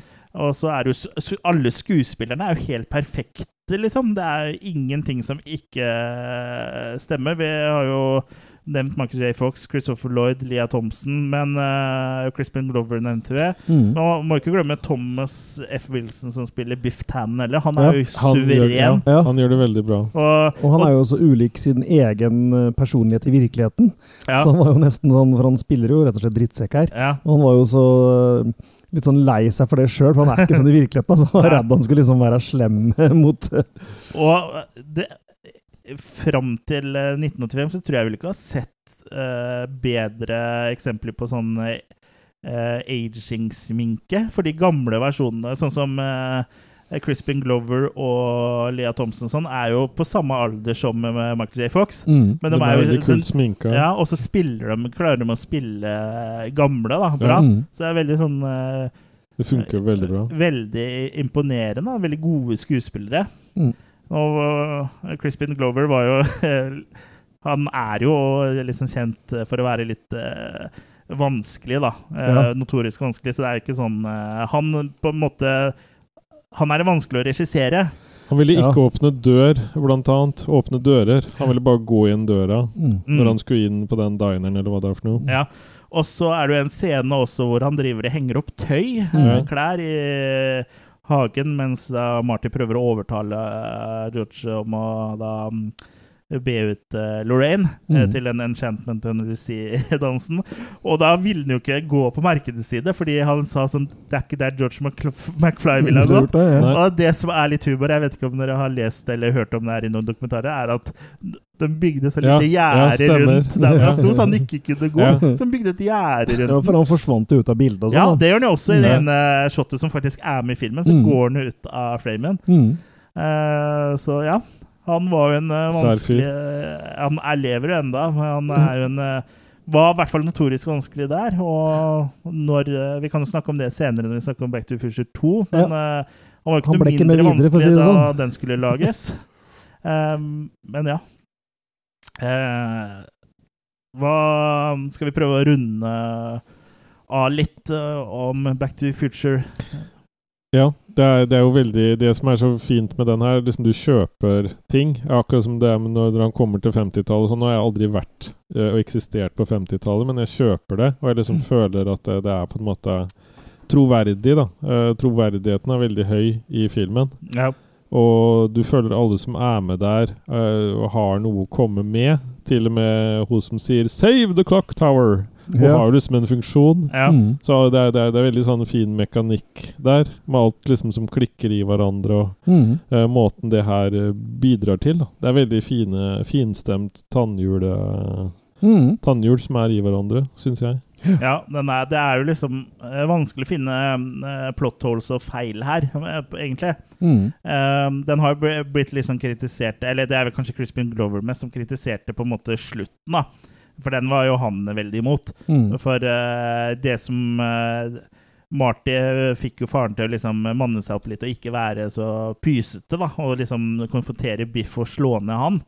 Og Mm. da ble det på en måte historien deres endra. Så da, i framtida da så ble jo faren en suksessfull forfatter istedenfor en sånn pingle, sånn som han var i den opprinnelige timelinen, da. Mm. Så da mente han Crispin Glover eh, at at det ga liksom dårlig budskap, da. At det liksom at det er rikdom, og det er Det liksom betyr noe, Og fremgang er lykke, da. Og jeg Mm. ser jo på en måte liksom poenget, men samtidig, det er en, Det er en eh, det er en komedie, liksom. Ja, ja. Eh, I bunn og grunn så er det jo en uh, feel good-komedie. Mm. Så det er Ikke legg for mye i akkurat det, eh, sånn som Eric Stoltz gjorde. Det er, Ja. Han øh, mente jo det Sa jo at det var en tragedie, som vi nevnte. Så Mm. at han ikke fikk vært med i I den øh, gode tida hvor faren øh, var fremgangsrik. Mm. Men vi kan jo snakke flere timer om Back to the Future, så hvis det er noen som har lyst til å snakke mer om Back to the Future, så kan de ta og ringe meg, så kan vi snakke litt. Nei da. Men øh, ingen, ja. Skal vi skal kaste maker på den eh, nå, eller om vi tar alle til slutt, eller? Nei, vi kan, eh, vi kan eh, kaste maker nå. Jeg er, bare, Mm. jeg er bare livredd for å liksom glemme noe, som å brenne inne med noe. Sånn jeg, når jeg legger meg i kveld, at jeg liksom bare Å, faen, nå glemte jeg å si det. Da kommer OCD-en til å gå på høygir. Nå skal vi prate om to til, så det kan hende det kommer Kan på mer det underveis. kan hende det dukker opp underveis, men uh, eh, jeg tror at vi kan begynne å Jo, det er én hovedkarakter vi har glemt å snakke litt om, så jeg vil snakke om litt uh, før vi går videre. Og det, det, vi må ikke glemme også eh, Hill Valley, som uh, Ja, ja, ja. også er en hovedkarakter her. Ja, absolutt. Backlotten på Universal. Ja, eh, hvor da ved å filme da på en backlot i, backlot i Universal, som er en by som har blitt brukt i andre filmer, bl.a. Gremlins, Mm. så kan de jo også endre hvordan den ser ut. Så du har jo den samme byen i 1985-versjonen og Mm. 1955-versjonen. og det her er så forseggjort, da. Mm. For det hver eneste ting er jo endra på, og 1985-versjonen ser jo ut som 1985. Det er liksom møkkete og sånn skittent, og det er går pornofilmer på kinoen, og det er liksom eh, sånn, Mens du kommer tilbake til 1950, eller når han drar tilbake til 1955, så er det den eh, litt sånn uskyldige, og, og byen liksom på en måte blomstrer litt mer, da, mens liksom i 85 så har, de bikka over storhetstida, på en måte. Mm. Uh, så det er veldig imponerende gjort, det der òg, syns jeg. Ja. Også at han Wilson skal bli ordfører og det greiene der også, da. At Mm. de Ja. har litt sånn fokus på det. At uh, de svarte uh, Det Ja. som ble kalt de svarte, uh, Ja. mørkhuda uh, Ja, for han er, han er eh, ene Han som driver den dineren, det er en, eh, han har jo nesten en sånn racial slur eh, der òg. Sånn eh, That be the day, be the day uh, a black mayor Eller jeg husker ikke hva han sier. Det er, Ja. Mm. er nesten sånn nå, som- nå, som folk er, nå, som, nå som folk er så woke, uh, Ja. så er det jo nesten litt sånn Begynner å nærme seg ubehagelig, men uh, vi, vi tåler det. Men ja, det er jo det at han på en måte nå kommer jo han fra en uh, fremtid hvor dette allerede har skjedd, men likevel så liksom planter han den ideen. og Det kommer litt an på hvordan du ser på tidsreiser, om, på en måte, om det er han For noen For noen kan jo si at den timelinen han kom fra, aldri hadde skjedd hvis ikke han hadde dratt tilbake i utgangspunktet. Og, ja, sånn timey wimey-ting kan man diskutere i uendeligheter, liksom. Ja. Men eh, ja. Den eh, Det er mye bra der. At det liksom er han som på en måte satte den eh, gnisten i huet på han eh, Goldie Wilson. da. Ja. Mm. Mm. Men da kan vi begynne å oppsummere, tenker jeg. Ja. Og avslutte med en make. Det er vel ikke så veldig mye annet enn å si at det her er bortimot en perfekt film. Så mm, skal vi drille maker her, så er vi jo selvfølgelig oppe på sekseren. Det er ikke noe tvil om det. det alt fungerer her. Klart noe føles kanskje litt datert, men eh, det er liksom ikke Det er ikke småplukk og regn engang, egentlig. Nei. Så nei, den her er eh, en perfekt film, egentlig. Ja, jeg slutter meg til Kurt. Det er en uh, toppfilm med, med veldig lite å trekke på. Og, og det, er, det er en sekser uh, fra meg også. Mm. Ja, her blir makekast tre. Nei da. Det er jo, som jeg sa, det er jo favorittfilmene mine. Og er, jeg har sett den så mange ganger i oppvekst Og, men ehm, jeg følte liksom Jeg så den jo på, så de på film og på opptakskassetter og, og sånn. Og, Og så så jeg kanskje dem et par ganger, men interessen begynte virkelig å rulle da de kom på DVD, da, eh, sånn i slutten av 90-tallet, begynnelsen av 2000-tallet. For da på en måte Å ja, det var de filmene, og da begynte det å rulle seg på igjen. For da liksom husker jeg de gode minnene jeg hadde med det. Mm. Og etter det så har jeg liksom vært helt uh, Har vært bitt av Back to the Future-basillen. Mm. Um, den første DVD-versjonen også, så står det jo triologi utapå. Det er jo litt irriterende, stavefeil, men eh, det er jo også litt gøy, da. Mm. Eh, så ja, det er vel ingen overraskelse at det blir makekast eh, seks eh, herfra heller. Det er jo en Ja, jeg, jeg syns jo det er en perfekt film, men altså, den er jo fra 1985, så det er jo sånn teknisk Jeg syns teknisk så er den egentlig ganske bra. Ja, det har holdt seg godt. Ja, effekten og sånn har det er, jo, det er litt med det som vi har snakka om før, og er liksom når det brukes eh, penger og tid og ressurser på ting, så holder det seg gjerne bedre. Mm. Og øh, om det er praktiske effekter eller om det er CGI, liksom. Bare du bruker nok tid, så Mm. blir det bra. For øh, det er jo akkurat som Jura- Jurassic Park da, fra 1995 har jo bedre effekter enn mange filmer fra f.eks. 2010. Mm. Og, og selv om det er CGI, og de satt og lagde det på maskiner som har samme prosessorkraft som en øh, fem år gammel iPhone hadde, liksom. Og der tror jeg de blikka mye til teknikker han Harryhausen hadde brukt og sånn, tror jeg. Ja. Når de laga Jurassic Park. Ja, og jeg, nå tenkte jeg på den CGI-biten også, men de Jo, men brukte i den delen Ja, også, de brukte, så hadde de, han som sa sånn å gå etter. De Mm. visste på en måte hva svakhetene var, og brukte, brukte det wisely, da. Ja. Og ja, det er jo en eh, oppskrift for suksess, tenker jeg. Men uh, Back to the Future, ingen overraskelse, uh, i hvert fall nå i ettertid, da, at dette ble en braksuksess. Eh, så da var det jo duka for en oppfølger, da, eh, som da kom eh, i 1989. Så da kan vi jo ta oss og prate litt om eh, Back to the Future eh, 2. Do you remember the future?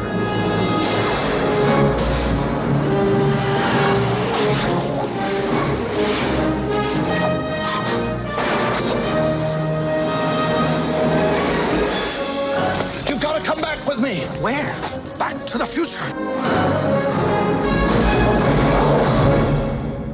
Are we back? We're back.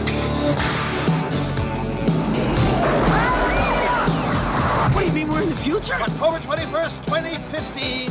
Marty, we're gonna be able to see our wedding. Wow. The future.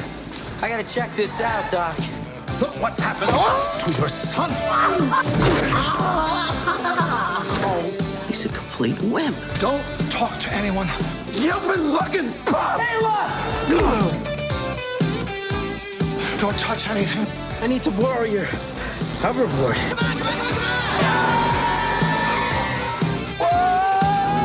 And try not to look at anything. I didn't invent the time machine to win at gambling. I can't lose. I invented the time machine to travel through time. Hey, Doc, I'm all for that. What's wrong with making a few bucks on the side? Now, the time continuum has been disrupted, creating an alternate 1985. There have been a few changes. It's like we're in hell or something. No, it's Hill Valley, although I can't imagine hell being much worse. But they'll all be back. Eat less, slackers! Biff? Hello? Hello, anybody home? Mom, that can't be you. You're so big. Michael J. Fox. Christopher Lloyd. Michael J. Fox. More like a couple of teenagers, you know? And Michael J. Fox. Mom, is that you? Steven Spielberg presents a Robert Zemeckis film, Back to the Future, Gotta get back in time. Part 2. Coming November 22nd to theaters everywhere. Back to the Future 2 tar jo opp tråden videre fra eneren, hvor eh, Doc henter Marty og Jennifer for å reise til framtiden, hvor de må redde barna sine fra å havne i fengsel. Det var jo slutten på eneren som de da må spinne videre på. Mm. Oppdraget ser ut til å lykkes, det, men før de rekker å reise tilbake til 1985 igjen, så oppstår det flere komplikasjoner, og resultatet ser de jo når de kommer eh, ja, tilbake til eh, Fremtiden. fortiden. Eller fremtiden er for dem. Ja, fremtiden for dem. Mm. ja. I forhold til der de var, i Ja. hvert fall. Eh, For det skal vise seg at Biff har stjåla, stjålet tidsmaskinen og reist tilbake i tid for å gjøre sin egen slekt rik ved å gi 1955-alter ego sitt en sportsalmanakk fra 2015. Dermed så kan jo Biff forutse alle sportsresultater og vinne penger på gambling. Og da må Marty og Doc igjen reise tilbake til 1955 for å forhindre at Biff får tak i den almanakken. At Biff får ikke overlevert den til Biff. Ja. Ja. Her er det jo litt sånn eh, Her må du holde tunga i, i rett munn, holdt jeg på å si. For Absolutt. eh, de kan jo ikke forhindre eh, gamle Biff fra å gi unge Biff almanakken heller, for da lager de et sånn eh, Time uh, rupture. et tidsparadoks. Ja. eh, Så du må jo vente til eh, Biff, gamle Biff drar tilbake til 2015. For Mm. hvis ikke så hadde det blitt et tidsparadoks. Så da er de jo tilbake eh, til eh, i 1955, hvor da handlinga i forrige film eh, Fortsatt utspiller seg. ja, og så da, da her også kan du jo da risikere å møte på da versjoner av seg sjøl fra den Mhm. første filmen, som de heller ikke må forstyrre. eh, For da kan du risikere at enda flere tidsparadokser av det, Mm. Og da kan jo hele universet bare implodere, men Ja. i beste fall bare vår egen galakse, da. Men det her er jo veldig kløktig eh, både skrevet og utført. Mm. Eh, det begynner jo allerede i starten, for det Claudia Wales, eh, som spilte kjæresten til Michael J. Fox i første filmen, hun hadde en syk mor som måtte overlate rolla si. Og den har jo da Elisabeth Shue tatt over. Ja, hun ga seg rett og slett eh, med, med skuespillet for å ta seg av mora si. Om Ja. det var, jeg husker ikke om det var kreft. Det var noe kreft, alvorlig, ja. i hvert fall. Det var kreft. Mm. Uh, og så da har de jo allerede der måttet spilt inn slutten av eneren på nytt igjen, for å ha starten på toeren med Elisabeth Shue isteden. Riktig. Ja, så det begynner der, men de har jo også, som vi sier, spilt inn scener Men, men tror du det er noen i 1989 som reagerte på det? Tror du noen så at det var en annen dame? Eh, Du ser jo en forskjell, men tenk deg liksom sånn Du kunne ikke sitte og se samtidig alltid. eh, på så mye hjemme Jeg vet ikke om han hadde kommet på VHS ennå. Den kommer kanskje rett før toeren kom på kino. Kino, ja. Men uh, liksom tror du, Jeg tviler på at det er så mange som tenkte over det. Nei, jeg tenkte ikke. over det da jeg så det før i, i gamle dager. Mm. De har jo veldig lite fokus i filmene også, de damene. Eh, Ja. Så de har jo en beskjeden rolle. For det var jo en av grunnene til at de angra litt på åssen de hadde laga slutten i eneren, for de fikk et problem med å dra med hun dama videre også. Så hun ble jo egentlig bare stua bort i, i fremtida. Ja. Eh, Men det er jo også mange Ja, andre hun ble jo lagt på balkongen sin, og der Ja. tilbringer hun hele filmen. Hun er mye på sånne fanmøter og sånn, eller? Altså, sånn. Ja, ja. Ja, og jeg tror Claudia Wells faktisk er mer på sånn fangreier enn Elisabeth Shue. For Elisabeth Shue har jo hatt liksom en sånn eh, skuespillerkarriere etter det, mens Elisabeth mm. Shue kom jo tilbake og voisa Jennifer i uh, Telltale-spillet Back to the Mm. Future. Oh, ja. ja. Uh, hvor også Christopher Lloyd uh, var med, og eh, Michael J. Fox var ikke med, men det var en, en sånn En som var veldig god på Sound-alike. å parodiere Martin McFly. Altså, han hørtes jo mer ut som Martin McFly enn det da Michael J. Fox eh, i, på den tida gjorde. For det her, jeg husker ikke noe spill er det er sånn 2010 eller rundt der. Mm. Og da Stemmen til eh, Michael J. Fox har jo forandra seg litt. Mm. Eh, men han har jo også han har en liten rolle i eh, det spillet, da, hvor han eh, spiller en annen eh, karakter. Mm. Så eh, for alle de som da liksom er eh, sugen på Back to the Future 4, så er jo det spillet da det nærmeste du noensinne kommer til å få, da. Yeah. Og den ligger vel klippa ferdig som en film òg, bare at hvis du bare Ja, ser YouTube, liksom cutscenene. Ja. Men eh, det var en liten avsporing, men det er Ja. vi kjent for å ha. Ja, For det blir jo mange scener her som overlepper hverandre fra eneren og over den her. Da, for den, Overlepper. Overlepper. Det, det, skal vi, det skal vi rette på, det. Ja. overlapper hverandre. Blant annet uh, når uh, Marty er i bilen med sin egen mor, da, og så er Marty på utsida på den bilen også og sniker Ja. seg forbi der. Og, Ja, Og der hadde man funnet opp noe sånn egen teknikk for å på en måte før Det var lettere å få til det her i dag med dagens teknikk. da Så Ja. fikk de dem til å Det spille var, samme en, shot og sånn. det var vel en av de første filmene hvor hun brukte en sånn her programmerbar kran i en særlig sånn extent, eh, tror jeg. Mm. Og jeg må jo si at det er veldig imponerende mye av det de har gjort. Mm. Men, uh, også, men hvis du går det litt i sømmene, så ser du liksom litt noen steder, så matcher det ikke sånn helt. Blant annet hvor eh, 1985-dokk gir 1955-dokken som skrutrekker, så rekker den hånda liksom Mm. bak en sånn lyktestolpe. Eh, for det er jo der de har delt eh, framen, da. Mm. Ikke sant? Eh, og da ser du liksom at den hånda kanskje ikke matcher helt der den kom fra, men det er sånn du Mm. eh, ser forbi, da. Men mye av det er utrolig imponerende laga. Det har jo krevd en utrolig timing, da, både Ja. av dem bak kamera og skuespillerne. De måtte feste alt på bord og alt mulig rart når de filma, for å få det Ja. til å være Og spesielt da i middagssekvensen når Ja. de er i 2015, hvor Michael J. Fox eh, sitter rundt bordet tre ganger, tror jeg, Ja. som eh, seg selv som gammel, og Mm. sønnen sin og dattera si, og sender uh, mat til seg sjøl. Mm. Han heller vel vann oppi til, seg selv, til uh, sønnen sin, eller noe sånt nå, tror jeg. Mm. Så det er Jeg blir liksom sånn imponert når de fikk til det her i 1985, for liksom sånn uh, Du må jo planlegge hvis du skulle gjort det nå også, men Mm. nå er det jo nesten uh, Hvis du planlegger riktig, da, så er det jo nesten sånn at, uh, vanlig, at vi hadde fått det til, da. Mens uh, det, Nesten. Men eh, eh, ja, det er veldig imponerende, og det var jo banebrytende, da, dette her. Og det, Mm. ja, det er, det er du, Når du liksom blir sittende sånn og lurer litt på hvordan de egentlig fikk det til, da har de jo på en måte Og du sitter og lurer på det Hvor mange år etter er det vi er nå? Eh, 30 år etterpå? Mm. Over 30 år etterpå? Da har de jo gjort noe riktig. mm. Og den scenen med klokketårnet er jo med i alle tre filmene. ja. Og han stuntmannen som utførte det stuntet, han fikk jo betalt selvfølgelig for den i første filmen, men han har også fått betalt for de to andre filmene også, uten å ha leie en muskel, for den ble jo spilt inn bare én gang. Å, men Ja. det, det viser jo at uh, Bob og Bob ikke er, uh, ikke er drittsekker, altså, Ja. altså Crispin Glover mente, som ikke fikk en eneste krone.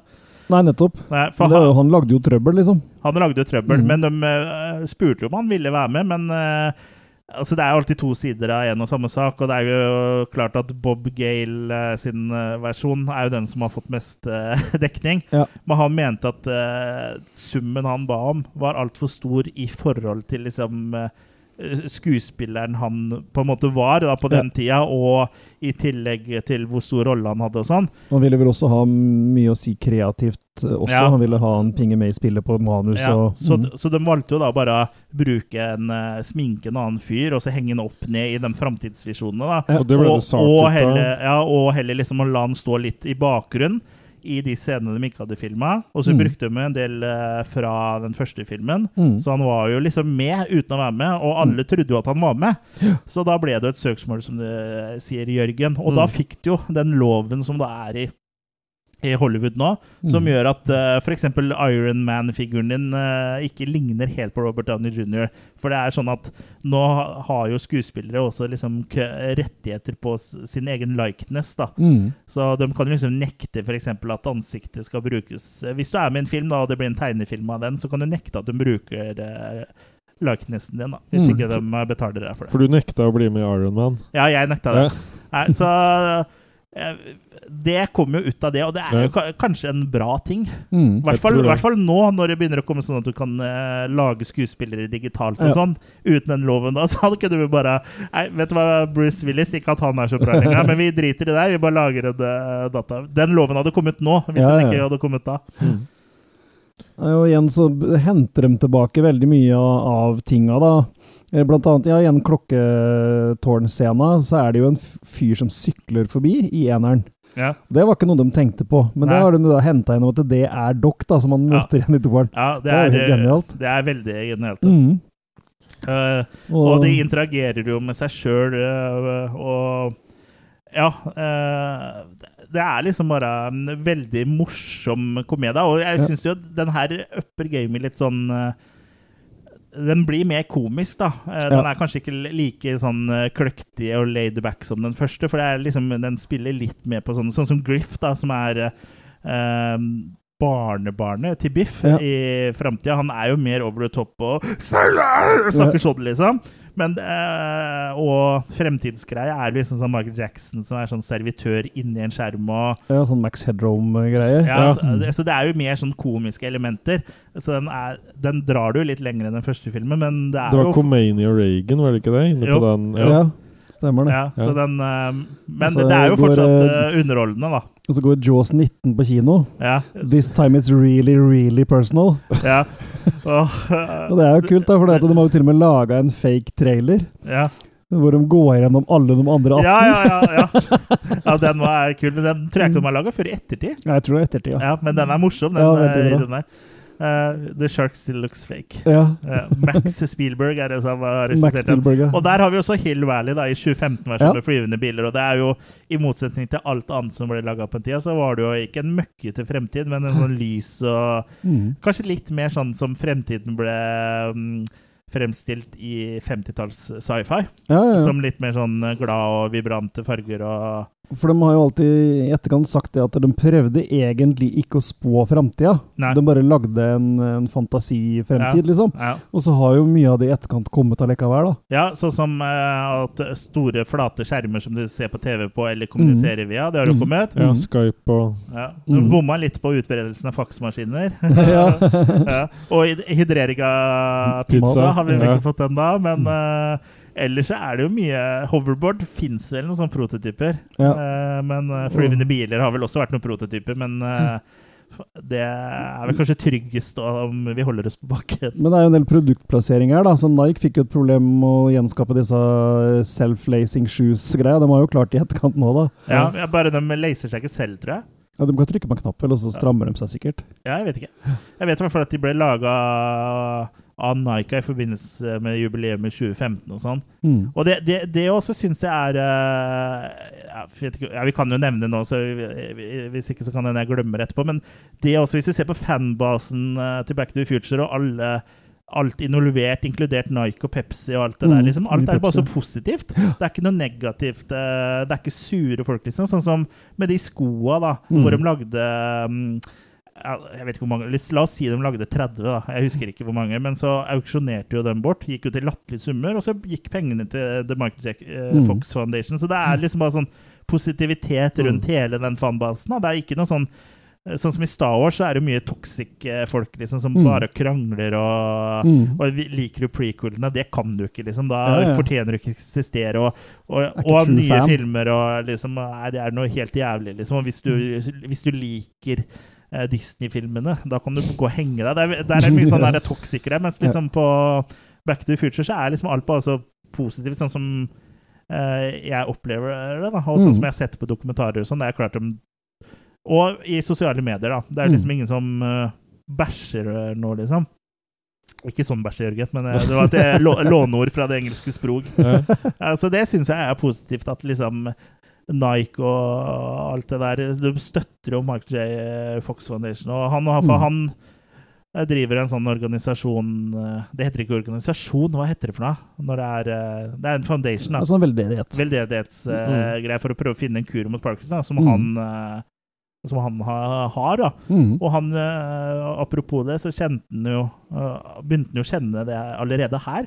For han la merke til at eh, når de eh, spilte inn de nye Enchantment Under the Sea-scenene, Mm. så slet han liksom med å treffe ut, eh, strengene på gitaren. Mm. Og, og, og så han kjente liksom at det begynte å bli noe rart der. Og så slet, slet han med å løpe da, i neste film, Back to the Future 3. Mm. Så det var vel ikke før i Doc Hollywood som han spilte inn Jeg husker ikke helt om den kom i 93, rundt der i hvert fall. Det var da han liksom fikk diagnosen. da.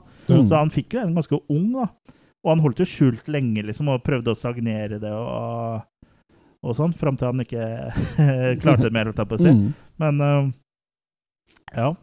Uh, det må jo sikkert være kjipt å få det, da. Men Mm. uh, som sagt, så det var en, enda en avsporing. Men det er, jeg håper jo Det er jo interessant, da. Mm. Det er jo ikke det er ikke en avsporing hvor vi snakker om uh, tull og tøys. Men jeg, te jeg tenkte på det med Biff og måten uh, vi møter uh, det nye 85 på. Uh, Ja, der er det- hotellet, da er det alt det der.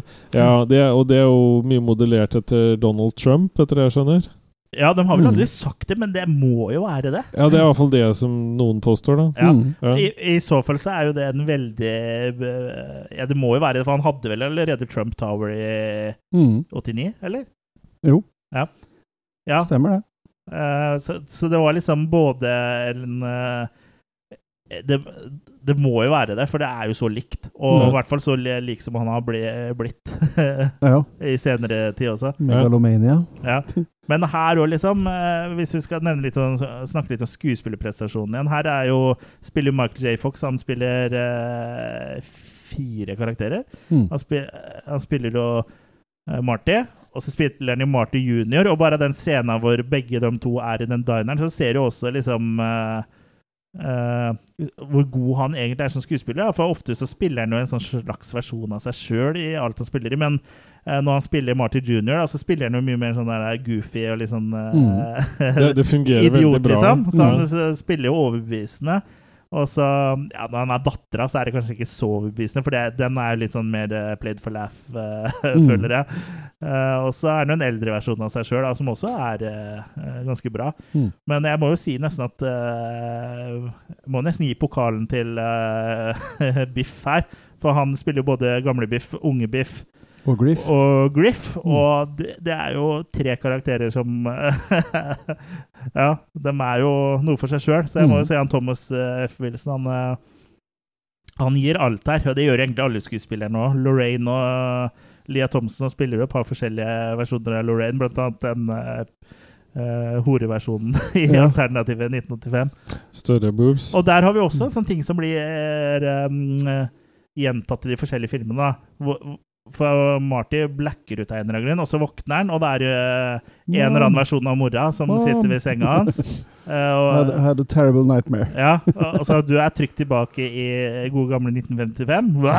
Eller du er trygt tilbake i 27. etasje. Hæ? Og så er det jo da Det er vel ikke mora, men det er en tipp, tippoldemor eller et eller annet sånt noe. eh, hvor jeg, bare- du er trygt tilbake på McFly Farm, som det er i treerne vi skal snakke om. Ja. Så det er, Mm. det også syns jeg er liksom sånn eh, At det er kult at de gjentar liksom sånn variasjoner av de samme scenene. og Samme med Masse tropes. ja, også sånn som den uh, skateboard-sekvensen i Back to Future 1 blir jo gjentatt her i Back to Future 2, da, med Ja. hoverboards og sånn. Manure. Ja, og så Ja. gjødsel, ja. Det er, han, Biff, ender jo, Biff eller Griff ender jo alltid opp med gjødsel. Mm. Og, ja. Eh, jeg hadde nesten glemt den der alternative Jeg hadde ikke glemt at det var et alternativ 1985, jeg hadde glemt litt åssen det så ut. Så det var litt sånn artig å se igjen filmen Ja, nå. for der er det mørkt. Der er det mørkt, ja. Ja, Ja, ja. motorsykler og Ja, altså, litt sånn Mad Max-dystopi nesten. Ja, sånn. det er det. For det er, Mm. Og litt sånn som The Class of 1999. Nei, Ja, jo, ja. eh, for det er jo liksom sånn det er så dystert, og det er jo Politiet går ikke inn i det området lenger. Nei. Og du har han der Skolen er ja, brent, og, da. Ja, og han, ja, og så han Strickland, Ja, som er liksom så med hagle og sånn. Ja. You slacker. ja. det er nok en sånn trope, ja. ja, ja. Mm. Uh, jeg syns nok plottet her er kanskje litt overlessa. Det fungerer, altså, det gjør det. Men det er kanskje litt mer overlessa enn i den første. Ja, de uh, tenker jo bare m- m- more is more, tenker Ja, jeg. absolutt. Og så er vel eh, her er vel den som sliter mest med at effekten ikke alt er like godt, da. Men Ja, eh, det er fordi det er mest effekter her. ja, Men jeg syns jo fortsatt det er veldig bra. ja da. Mm. Det er ikke, gjør ikke filmen noe dårlig, det er ikke det. Men det liksom er én film av dem som sliter litt med effektene, så er det nok den her, sånn i etterkant. mm. Men eh, flyvebiler og sånn var jo ikke akkurat uh, noe de kunne bare gå ut og filme. I 1989. Nei, det er klart, og jeg syns jo flyvebilsekvensen ser jo urovekkende bra ut, syns jeg. Sånn som Mm. når de entrer uh, 2015 første gang oppi den Ja, den eh, veinettet, eller hva vi skal kalle det. highway, bokstavelig talt her. Mm. Det, ser sjukt bra ut når du vet at alt det der Ingenting er data, liksom. Det er det ikke. Uh, så det er, det er jo mye mer jobb enn Eller jeg sier jo ikke at det er lett å sitte og modellere sånne ting, men det er lettere å få masse ting til å i hvert fall flytte seg enn hvis du må gjøre det fysisk, da. Mm. Så ja. Så er det jo Fungerer første filmen til Elijah Wood, det her, da. Ja. En liten sånn uh, teeny Eller guttunge som spiller Men han spill. står inne i spillehallen, ja. Ja. ja inne i You have to use your hands, eller et eller annet sånt. ja. ja, En liten cameo inni den 80s-kafeen. for, for, Retro-blå. for den dineren har blitt sånn retro Mm. retrogreie. En dårlig retrogreie. ja. Ja, Christopher Lloyd da er jo også her utrolig bra. Jeg syns også det er morsomt at uh, han har jo tatt en sånn foryngelsesgreie. Mm. Så han har jo, ser jo eldre ut i starten av filmen, Mm. og så drar han jo av seg maska, for han har jo fått sånn sprøyter og sånn, og forlenger livet livet til 30 år eller annet. Mm. Men eh, det er jo også en eh, praktisk grunn til det. Det er jo for å slippe å ha han i old man makeup i Hele hele, filmen. For han Mm. Ser jo sånn ut som han er i, i den eh, versjonen med gule frakken, Mm. og som han er i 1955, er jo huden hans på ordentlig. Mm. Uh, Det er nok lurt. ja, men uh, jeg syns jo jeg, jeg synes fortsatt det er imponerende med makeup-greiene her. Altså, jeg liksom, Mm. det er kjent For i mange nyere filmer også, så er det mye dårligere, liksom. Så jeg bare jeg skjønner ikke Jeg må si at jeg, det har jeg ikke researcha ordentlig, hvem som har drevet med makeup-effektene her.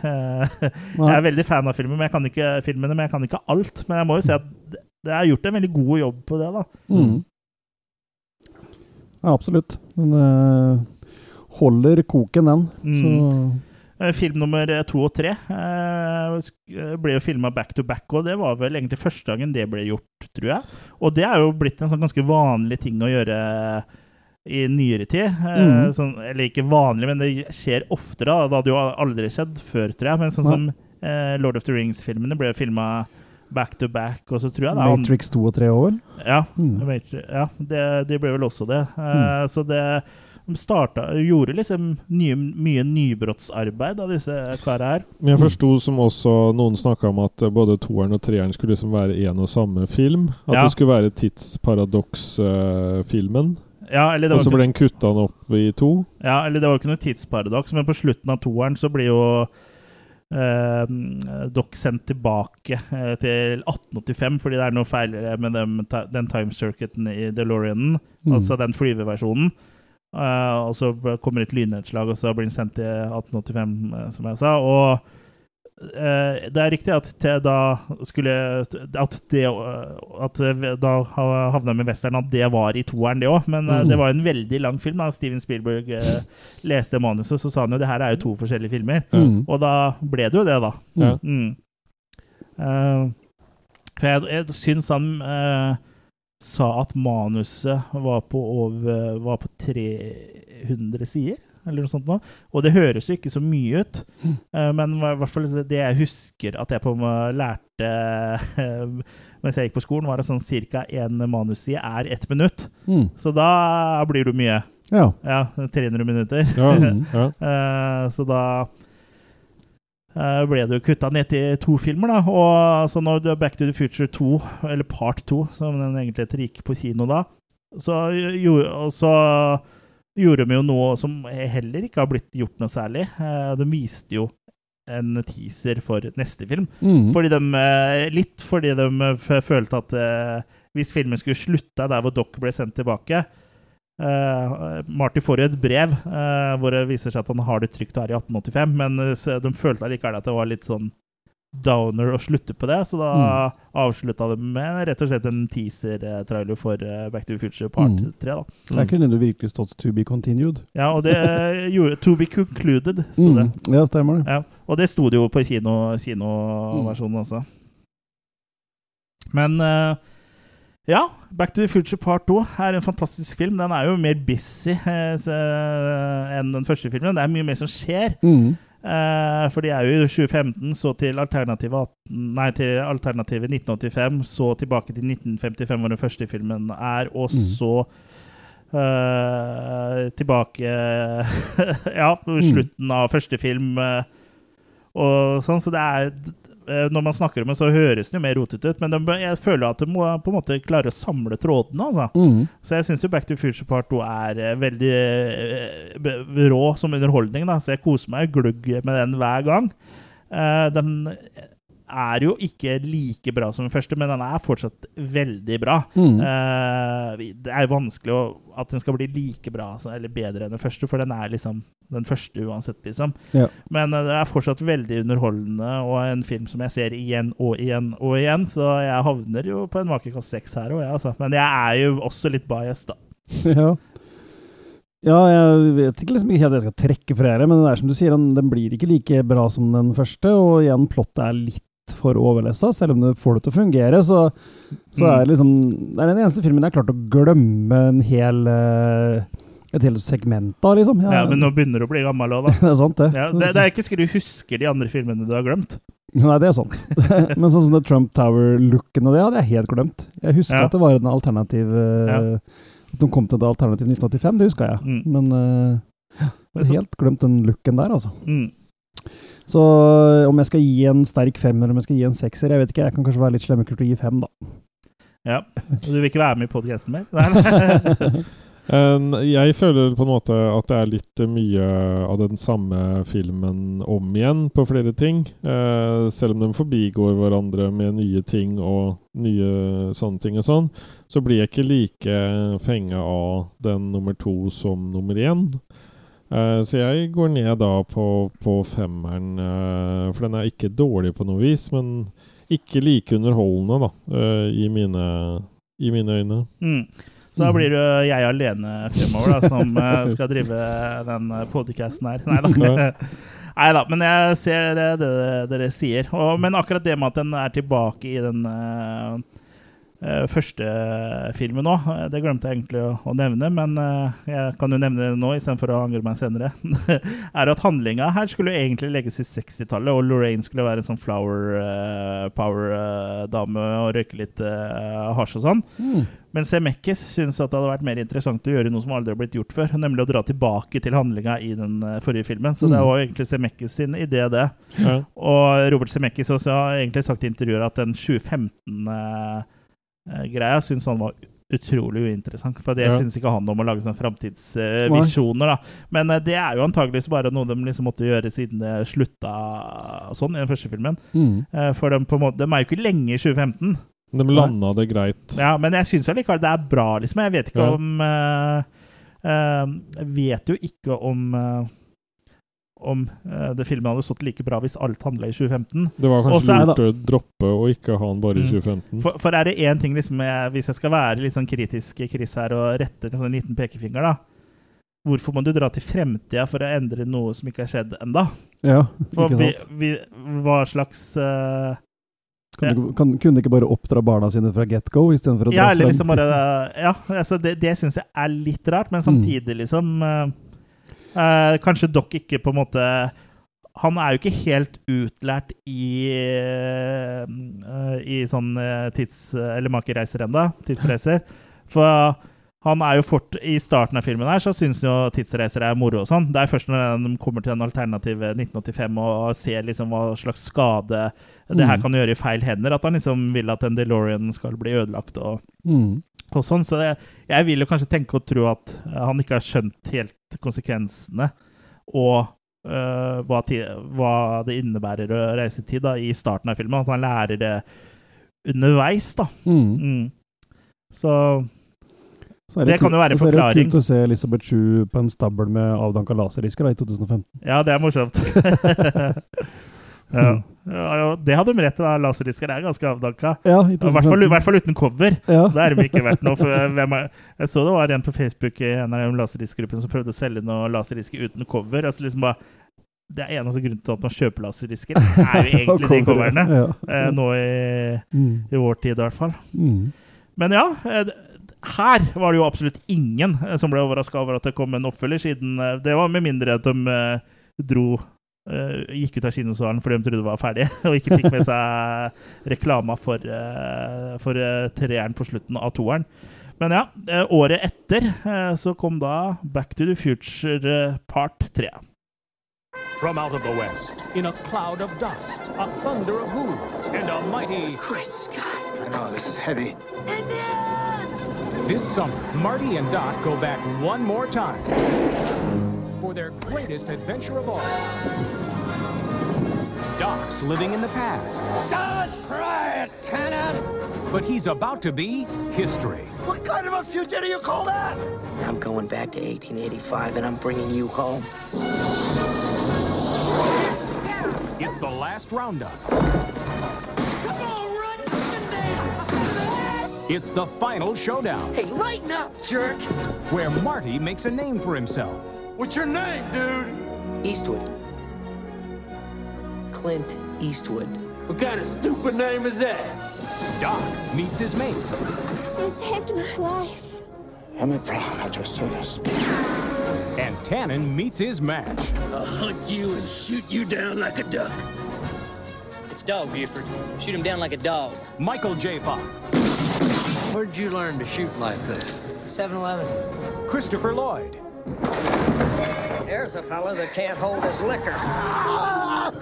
And Mary Steenburgen. I never ever met a man like you before. Gentlemen, excuse me, but my friend and I have to catch a train. This summer, Steven Spielberg and Robert Zemeckis invite you Come on, Marty! to the Rough Rider. Rip roaring, rootin' tootin', straight shooting, Just a hold up! It's a science experiment!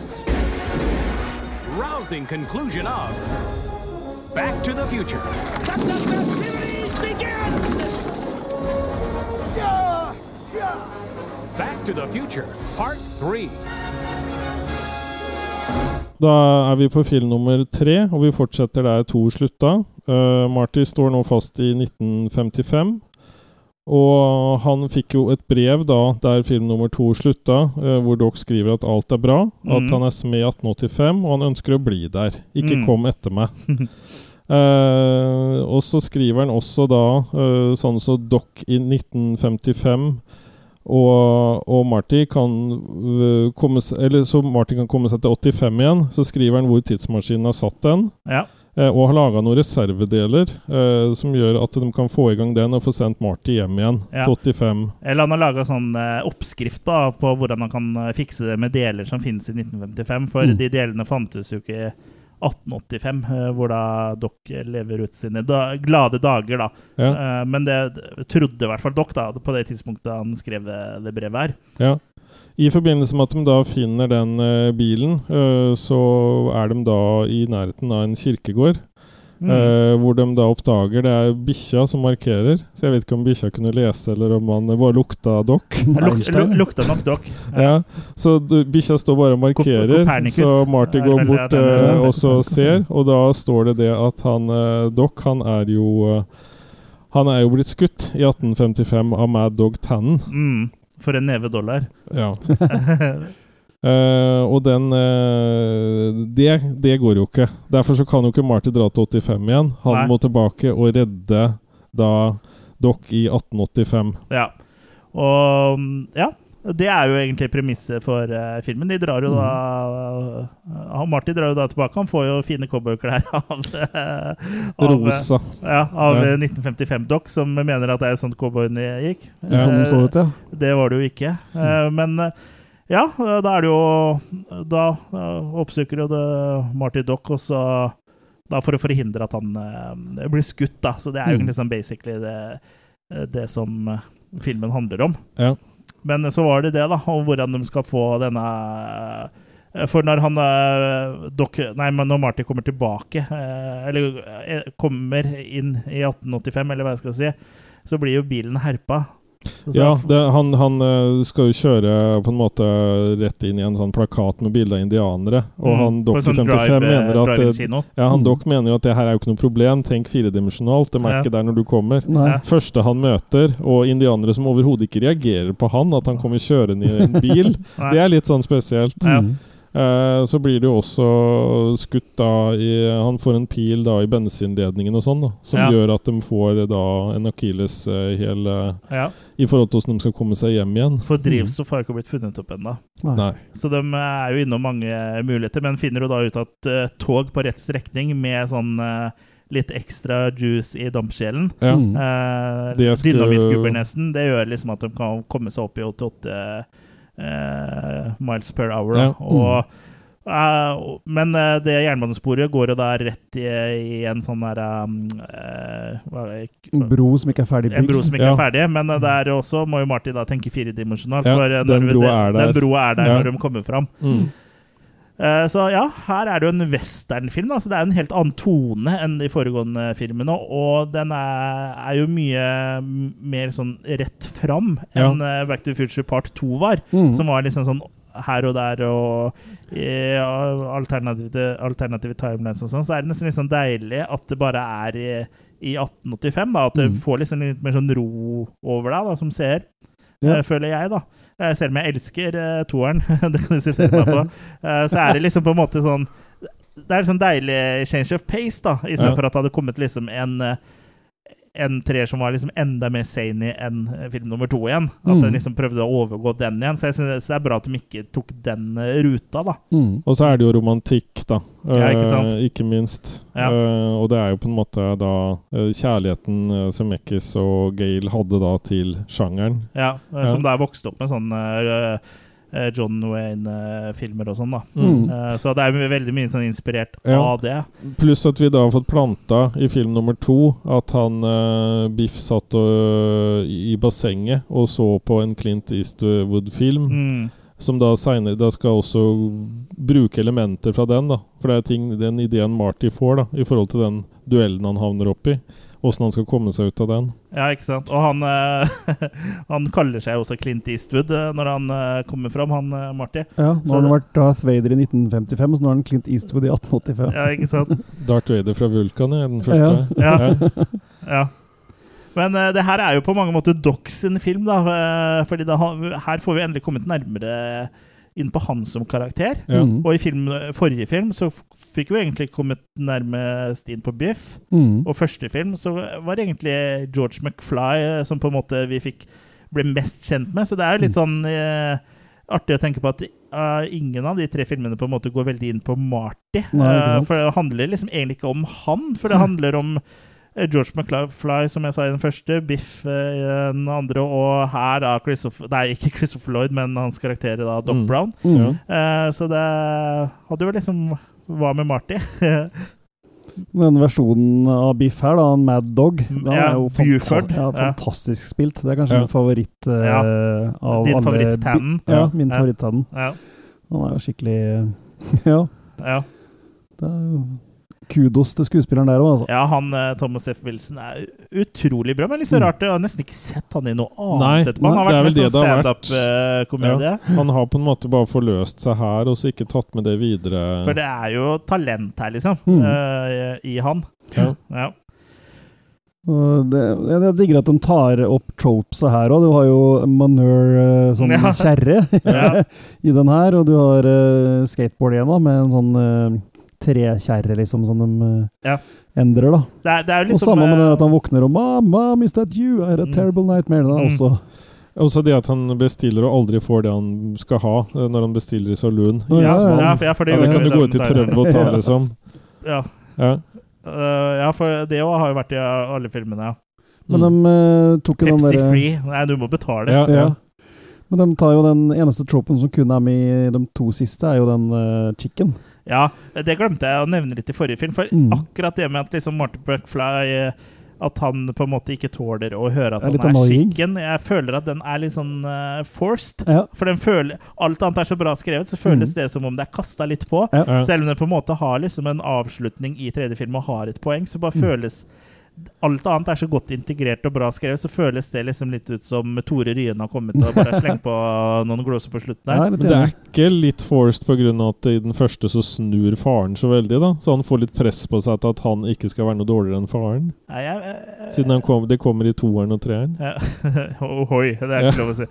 Nei, vet du hva, jeg er litt usikker. Mm. Eh, Men jeg bare føler at er det noe jeg liksom skal ta det på, så på det, både toeren og treeren, så er det det med chicken-greiene. Mm. Eller yellow, eh, som de sier uh, her. Vi har jo også Strickland, da, er jo også med her, som Mm. sheriff, liksom. så Ja, han har en veldig lang en. Ja. ja.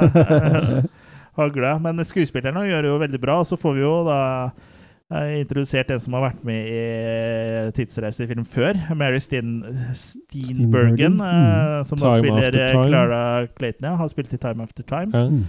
Som kanskje ikke når helt opp til Back to the Future-filmene, men som er eh, artig. Mm. Ålreit. mm. Og har sett én gang, i hvert fall. Hun er veldig flink på den klassiske skuespillet, i hvert fall sånn i måten Ja. hun spiller mot Ja. eh, Christopher Lloyd. Absolutt. Og det er veldig god kjemi mellom eh, de også. Og så Mm. er det jo artig å liksom på en måte se Doc, da, som eh, på en måte har via hele livet til vitenskap og aldri hatt tid til å tulle med ting som følelser og emosjoner. For, for når han får vite at han skal bli skutt og sånn, og de skal hjem og sånn, og så at det sto uh, 'elskede Claire og Clayton' på den uh, gravsteinen men Jeg kjenner ingen som heter det, liksom. Nei, nettopp. jeg, blir, jeg blir ikke forelska på noen dager, liksom. Nei, la oss komme oss hjem. Og så um, redder de jo Clara Clayton fra å havne i The Clayton Ravine, Grøfta. som Mm. egentlig er oppkalt fordi hun havner oppi der. der. er, ja. Ja, og så blir den jo stormforelska. Mm. Eh, og liksom på en måte legg Og da eh, Det er, er en av de tingene som jeg syns er bra i treeren, er at eh, her på en måte så skifter uh, Marty og Doc roller. For uh, Doc blir den som liksom Nei, det er ikke så farlig, vi tar det liksom det kommer. Mens uh, Doc Nei, mens Marty liksom på en måte blir Doc er litt mer sånn der voice of reason, da. Mm. At liksom vi må, må, må gjøre det her og tenke på liksom hvor mye det kan fucke opp i timelinen og sånn. Så han må liksom eh, overbevise Doc om at han må være med tilbake, og at du ikke kan ta med Clara og sånn, for det har han jo lyst til på et eh, tidspunkt i Mm. filmen.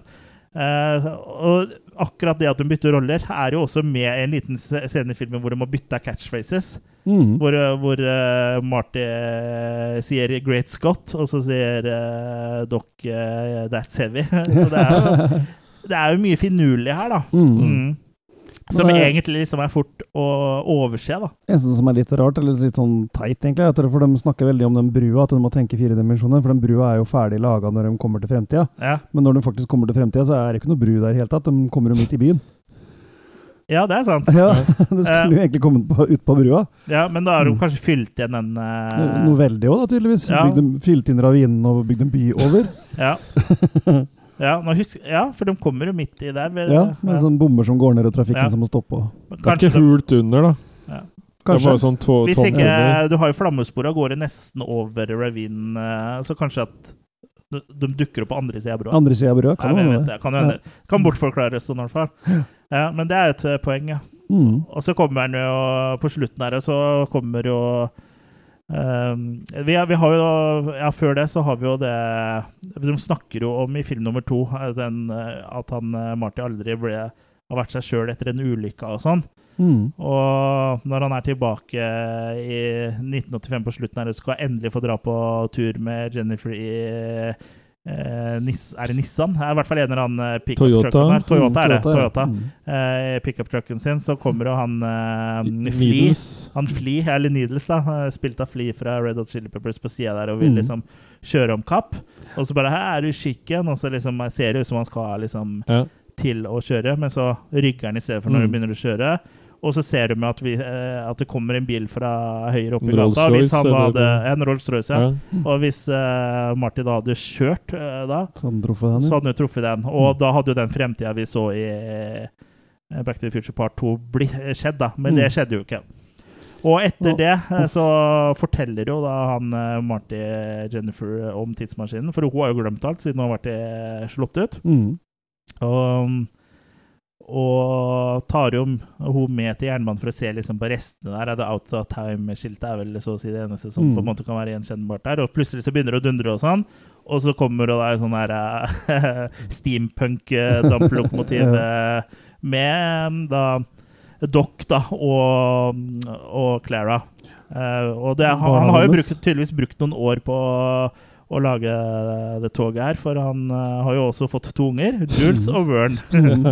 Og litt sånn humor er at den ene guttungen der, han peker jo på pikken sin på slutten her.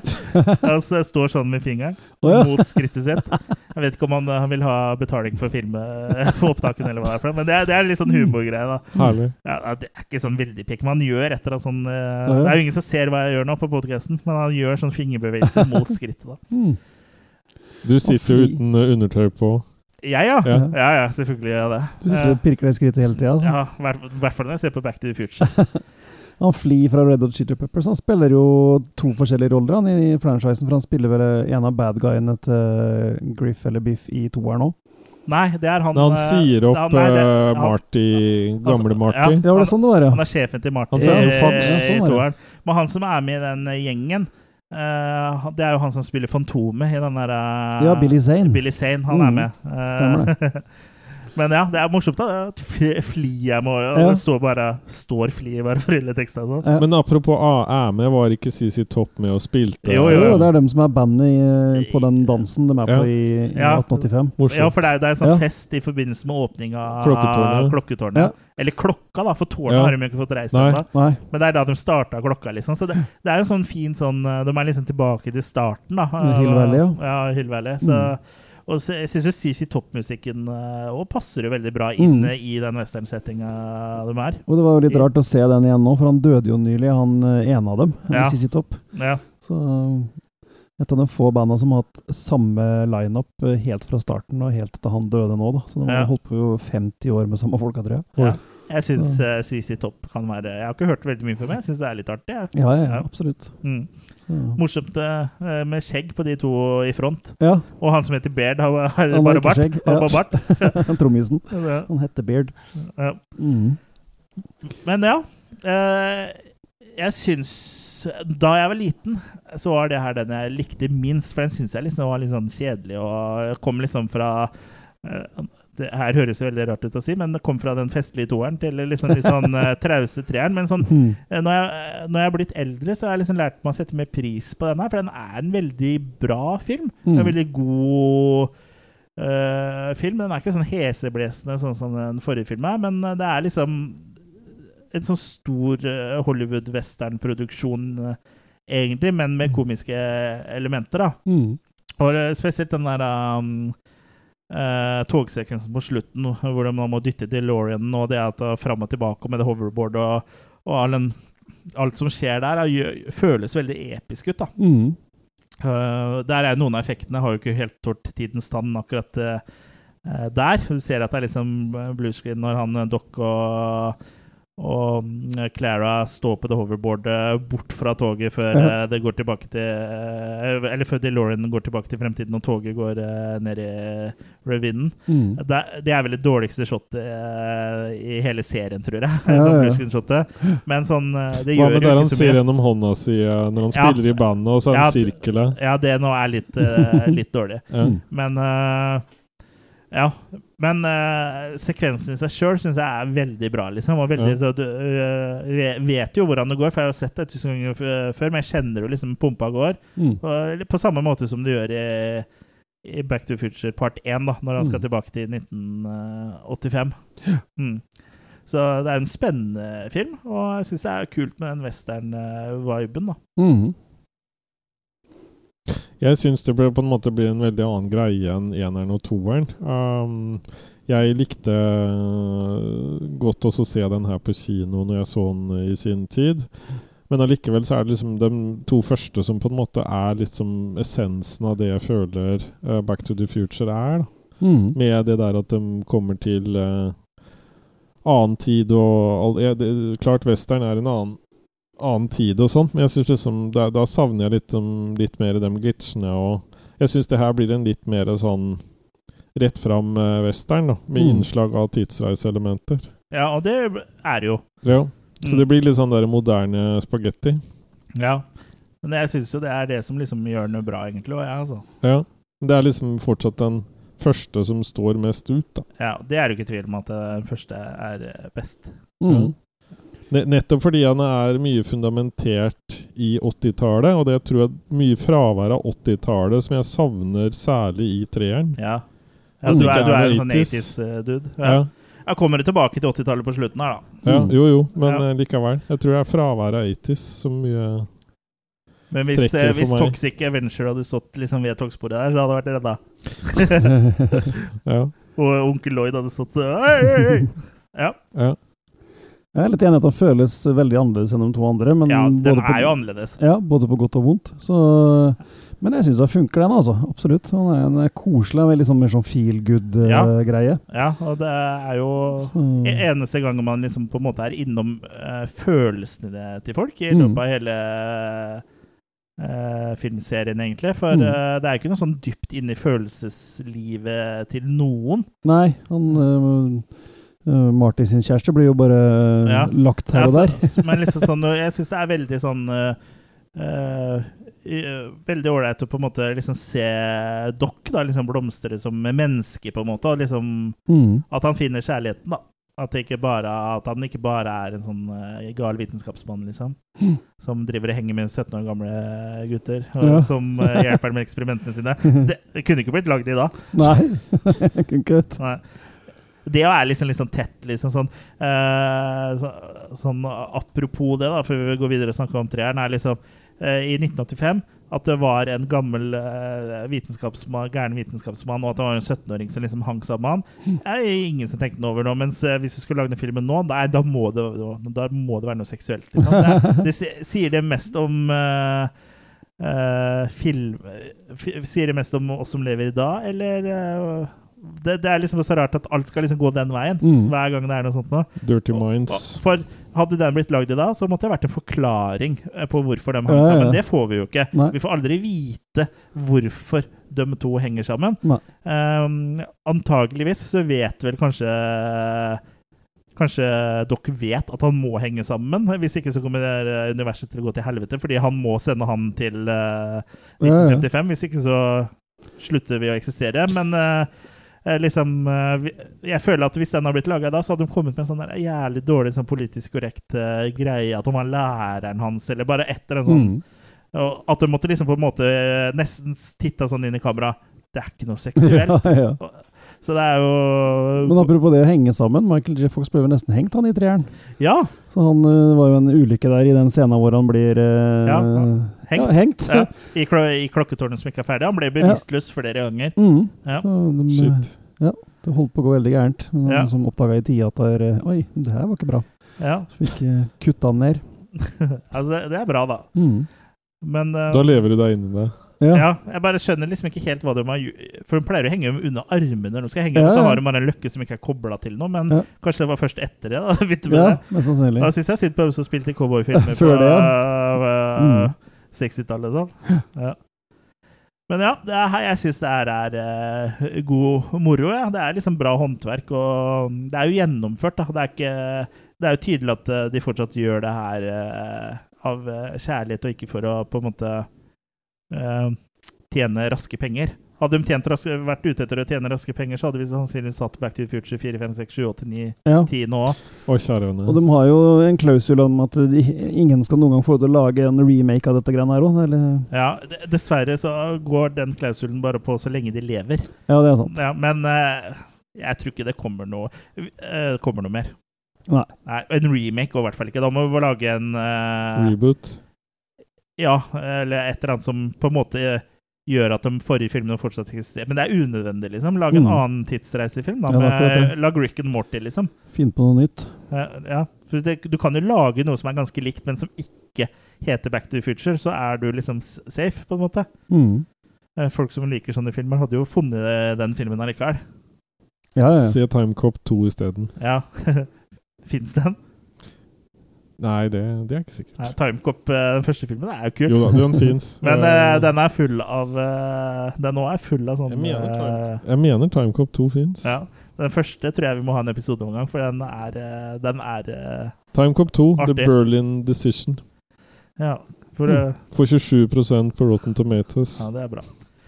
Nei, men Back to the Future part 3. Jeg digger den. Jeg, så, så ingen overraskelse at uh, jeg antageligvis gir den høyest makekast blant oss tre. Det blir en makekast seks. ja. Det var jo ikke noe bombe. Nei, det var ingen bombe. Nei, jeg er oppe på femmeren her, jeg òg, altså. Ja. Uh, den er på absolutt uh, godt gjensyn uh, i forbindelse med, med at vi skulle ha denne episoden. Så og, ja, en koselig film. Som uh, igjen deilig at de holder seg til disse tropesa, så du, du kjenner igjen universet Ja, av sånne ting. For og- samtidig, samtidig som den er annerledes, så Som- er den liksom gjenkjennbar. Ja, Mm. så absolutt uh, en uh, staut, god film. Uh, jeg eh, føler på en måte at eh, etter å ha sett de ulike filmene flere ganger, så føler jeg på en måte at det her er kanskje den som på en måte er lengst unna det den første er, da. Så her kommer jeg ned på Maki 4. Mm. Du er litt sånn som meg da jeg var tolv år, men bare gi det noen år, så kanskje du har du modnet nok. ja. nei da. Uh, nei, jeg, jeg, ser, jeg ser jo det dere sier, men jeg, jeg, til, tider eh, Det varierer litt ettersom jeg ser de. For det blir liksom som å velge mellom barna dine. Men Mm. noen ganger så syns jeg liksom faktisk at jeg synes det er morsommere å se treeren enn toeren. Noen ganger. Så, Mm. Men eh, det byttes litt på, da. Så det, men eneren er jo Skulle jeg liksom valgt en av de tre filmene, kun en av de tre På en øde øy. Ja. En, en av Tilbake til framtiden-filmene. Ja, da hadde det jo blitt den første, ikke sant? Ja. Mm.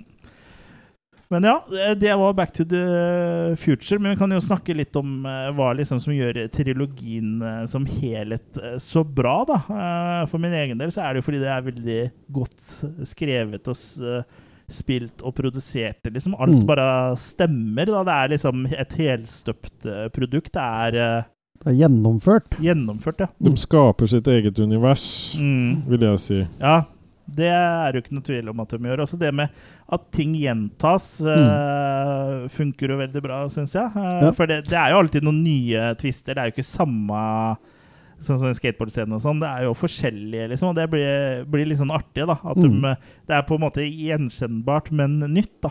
Mm. Men jeg, jeg føler på en måte at de definerer litt sånn Sånn som vi har vært vant til på en måte å høre om gamle eventyr. da Så setter Ja. de på en måte egne regler Ja. i sitt eget eventyr. Ja. Ja, for, for det er liksom veldig sånn eventyrfilmer. Det er adventure, liksom. Du føler Ja. at du er med på en reise. Og det er liksom Det er noe magisk, da. Det er på en Ja. måte liksom den eh, litt samme Hollywood-magien som kanskje eh, Bob og Bob opplevde sjøl mens de så på filmer på 50-60-tallet. Mm. Eh, Så blir det her liksom eh, Det er den samme feelinga nå. Eh, her, da. eh, jeg føler ikke på samme måte at det er så mange filmer som blir produsert Men det kan hende er fordi at at jeg er eldre også. At uh, det er liksom ikke min uh, tid uh, det nå, holdt jeg på å si. Ja da. Eh, men jeg føler jo ikke at det som Det lages mye bra, men jeg føler ikke at det er liksom sånn magisk på samme måte, da. Nei. Nei, jeg er helt enig. Og den gangen så Tror Det bare bobla over av kreativ energi i Hollywood den gangen. Ja. Og da kom det sånne perler som det her. Ja. Eh, som rett og slett da kan videreføres til uh, flere filmer og Ja, så lenge du det er liksom noe Og det er de samme folka som får det til å fortsette. da. Det er så mange andre som lager oppfølgere, og så er det andre regissører, og så er det Ja, Ja. ja, og det er veldig bra at eh, de holdt i det sjøl. ja absolutt. Og at de liksom på en måte ikke ga fra seg rettighetene bare for å få laga filmen. Mm. For da hadde det fort Da hadde det fort gått på trynet, tror jeg. Altså. Ja. Ehm, så, ja. eh, og det er, jo, det er jo omtrent den eneste av de gamle eh, gode filmene som ikke har fått eh, Eller som i hvert fall trilogier, da, som ikke har fått en oppfølger. Mm. Før så hadde jo Star Wars var tre filmer. Mm. Der har det jo kommet mange. Indiana Jones har jo fått 'Kingdom of the Crystal Skull'. Mm. Ikke noen sånn kjempebra film. Og en til på vei. En til på vei, som forhåpentligvis blir litt bedre. Mhm. Eh, ja, så det er, bare, det er bare deilig at de ikke toucher, eh, toucher det, da. Og, Ja. Men som sagt, de lagde jo en uh, Back to the Future sånn Adventures-spill, da, episodebasert, uh, med Telltale Games. Men det òg var jo et offisielt produkt. Bob Gale var involvert og skrev historie, eller var med på det og sånn, så det òg er verdt å sjekke ut. Om man ikke er en gamer, så i hvert fall se YouTube-videoen, som da er liksom cutscenes av klippa sammen. Mm. Måtte Disney aldri kjøpe eh, Back to the Future-franchisen? ja. ja, for det er jo det som er bra, er at eh, det er jo Bob og Bob eh, som eier eh, Back to the Future. Det er ikke Mm. noe Fox eller eh, For da hadde det vært Fox. Eh, Ja, ja. Eller Universal. Eh, Universal har jo ikke Disney kjøpt ennå, men det kan jo skje. Ja. Men eh, ja. Eh, ja, jeg håper ikke Disney kjøper Bob og Bob. Men man vet jo aldri hva som skjer med de rettighetene etter eh, de har eh, dratt sin vei. da. De viderefører dem til oss. Så da, da må, jeg, håper de har opp, jeg håper de har oppdratt ungene sine til å ikke selge de rettighetene videre. Mm. Ja. Håper jeg. Men ja, eh, det er jo Jeg syns jo det er som du sier, eh, Kurt, det er liksom underholdende og kreativitet på høygir. Mm. Så det er liksom Du føler at det er en egen sånn epoke i, i Hollywood-filmer som vi nesten aldri får tilbake. Det Det nærmeste jeg har vært siden eh, 80-tall og 90-tall eh, filmer. Eh, for Jurassic Park er også en sånn film. Ja. Det nærmeste jeg har vært, er, selv om det ikke er på helt samme måte, men som på en måte har liksom vært eh, i nærheten av til å kunne kjenne at det kiler litt under pungen, er uh, Avengers Endgame på kino. Mm. Det er liksom, Men ellers så eh, Ja, er det 90 Ja. Super 8 er en sånn type film, syns jeg. ja. Den er lenge siden jeg har sett, så den husker jeg ikke helt. Den er sånn feel good uh, coming of age-type. Riktig. Den tror jeg man tar til gjens, gjensyn med. Mm. Men uh, tror jeg ikke var i rette mood da jeg så den uh, en gang i tiden. Mm. Men er det ikke for mye som holder igjen at noe sånt skal kunne bli laga liksom potensielt òg? Siden det er så, såpass mange ting du ikke kan fornærme folk på det. Mm. Den kan vel ikke lages noe sånt nå uten at du tråkker noen på tærne og ting må filtreres bort, Liksom? Ja, det virker ikke som de er så veldig redd for å tråkke folk på tærne, så lenge de kan tjene penger på det. Ja. Men jeg vet ikke om det har noe å si med den der Se på Ghostbusters også, ja. Med damene. ja. Jeg vet ikke om det har si med den ratinga òg, ja. At den ble endra etterpå. At en del filmer som var PG og G og alt det greiene der, at den Kom det her den første før den endringa der? Nei. Ja, det vet jeg ikke. Men jeg tenker opp i forhold til å lage remakes. Nei, jeg tenker i forhold på det at det var flere som kunne se den type filmer Ja. før de endra ratingsystemet. For da skal du, du skal unngå å få uh, PG eller et eller annet, for da er det færre av de små som kan se det. Ja. Så før de Jeg husker ikke. Jeg husker Det jeg kan godt tenkes, men jeg tror det har blitt endra igjen nå. For liksom nå kan du jo halshogge folk og sånn, så lenge du ikke viser pupper, så er det jo. 12-årsgrense, liksom. Men hvis det er en pupp, så er det Mm. eh, 18-årsgrense. Ja. Mm. Og hvis hun sier fuck mer enn to ganger Ja, så det er litt det at den type filmer som kom den gangen, de hadde ikke de restriksjonene. Nei. Så da kunne du ha både kanskje litt pupp og litt banning selv i en, eh, Ja. en familiefilm, da. Ja, det kunne du. Men her er det vel egentlig ingen av dem. Nei da. Det, er litt, cleavage, litt cleavage i alternativet i 1985, bare. Ja, det er det. Ja. Men uh, Mm. de er jo ikke ekte. Mhm. Verken på den ene eller andre måten. Mm. Men eh, vi kan vel kanskje ta oss og pakke sammen snippesken eh, og si at eh, det var det vi hadde om Back to the Future. Jeg mm. håper at dere eh, som har hørt på, har eh, klart å høre helt til slutten, og at eh, kanskje dere har fått lyst til å se Back to the Future-filmene igjen etter å ha hørt den podkasten her. Mm. Jeg håper ikke at du har hørt på episoden uten å ha sett Back to the Future noensinne, for da har vi ødelagt litt for deg. Men uh, det får du nesten ta på din egen uh, kappe. Mm. ja, eller pledd, da. Eller pledd, da. Ja. Uh, neste episode uh, står i sci-fiens uh, tegn, Mm. for da skal vi på Fredrikstad sci-fi-festival. Vi har jo laga episode der en gang før. Jeg lurer på om det var den første gangen det var Fredrikstad sci-fi-festival. Det var det. Er det noen som husker året? Nei. Nei. Eh, Eh, Det går å finne ut av det. ja, jeg, jeg kan finne ut av det, hvis dere bare prater litt. For jeg har vel en, uh en uh, mappe med bilde 2015. ja. 2015, ja. Vi foreslår 2015. ja 14. mai 2015 kom episoden ut, i hvert fall. Ja. Men eh, ja, så den har jo holdt det gående, den. Den har, Mm. kanskje, har kanskje hatt litt sånn koronapause. Ja, lurer på om det ikke var all verden i fjor, nei. Nei. Men mm. det blir jo litt spennende da. Mm. Så mm, ja. Da viser de vel Dune, kanskje? Dune eh, De har ikke lagt ut noe særlig om programmet, men jeg vet, i hvert fall om noen filmer som skal vises. Så jeg blir. Jo, Dune har Mm. de sagt skal vises. Ja. Mm. Det er det ene som har sagt, men jeg vet om et par andre som også skal uh, vises, da.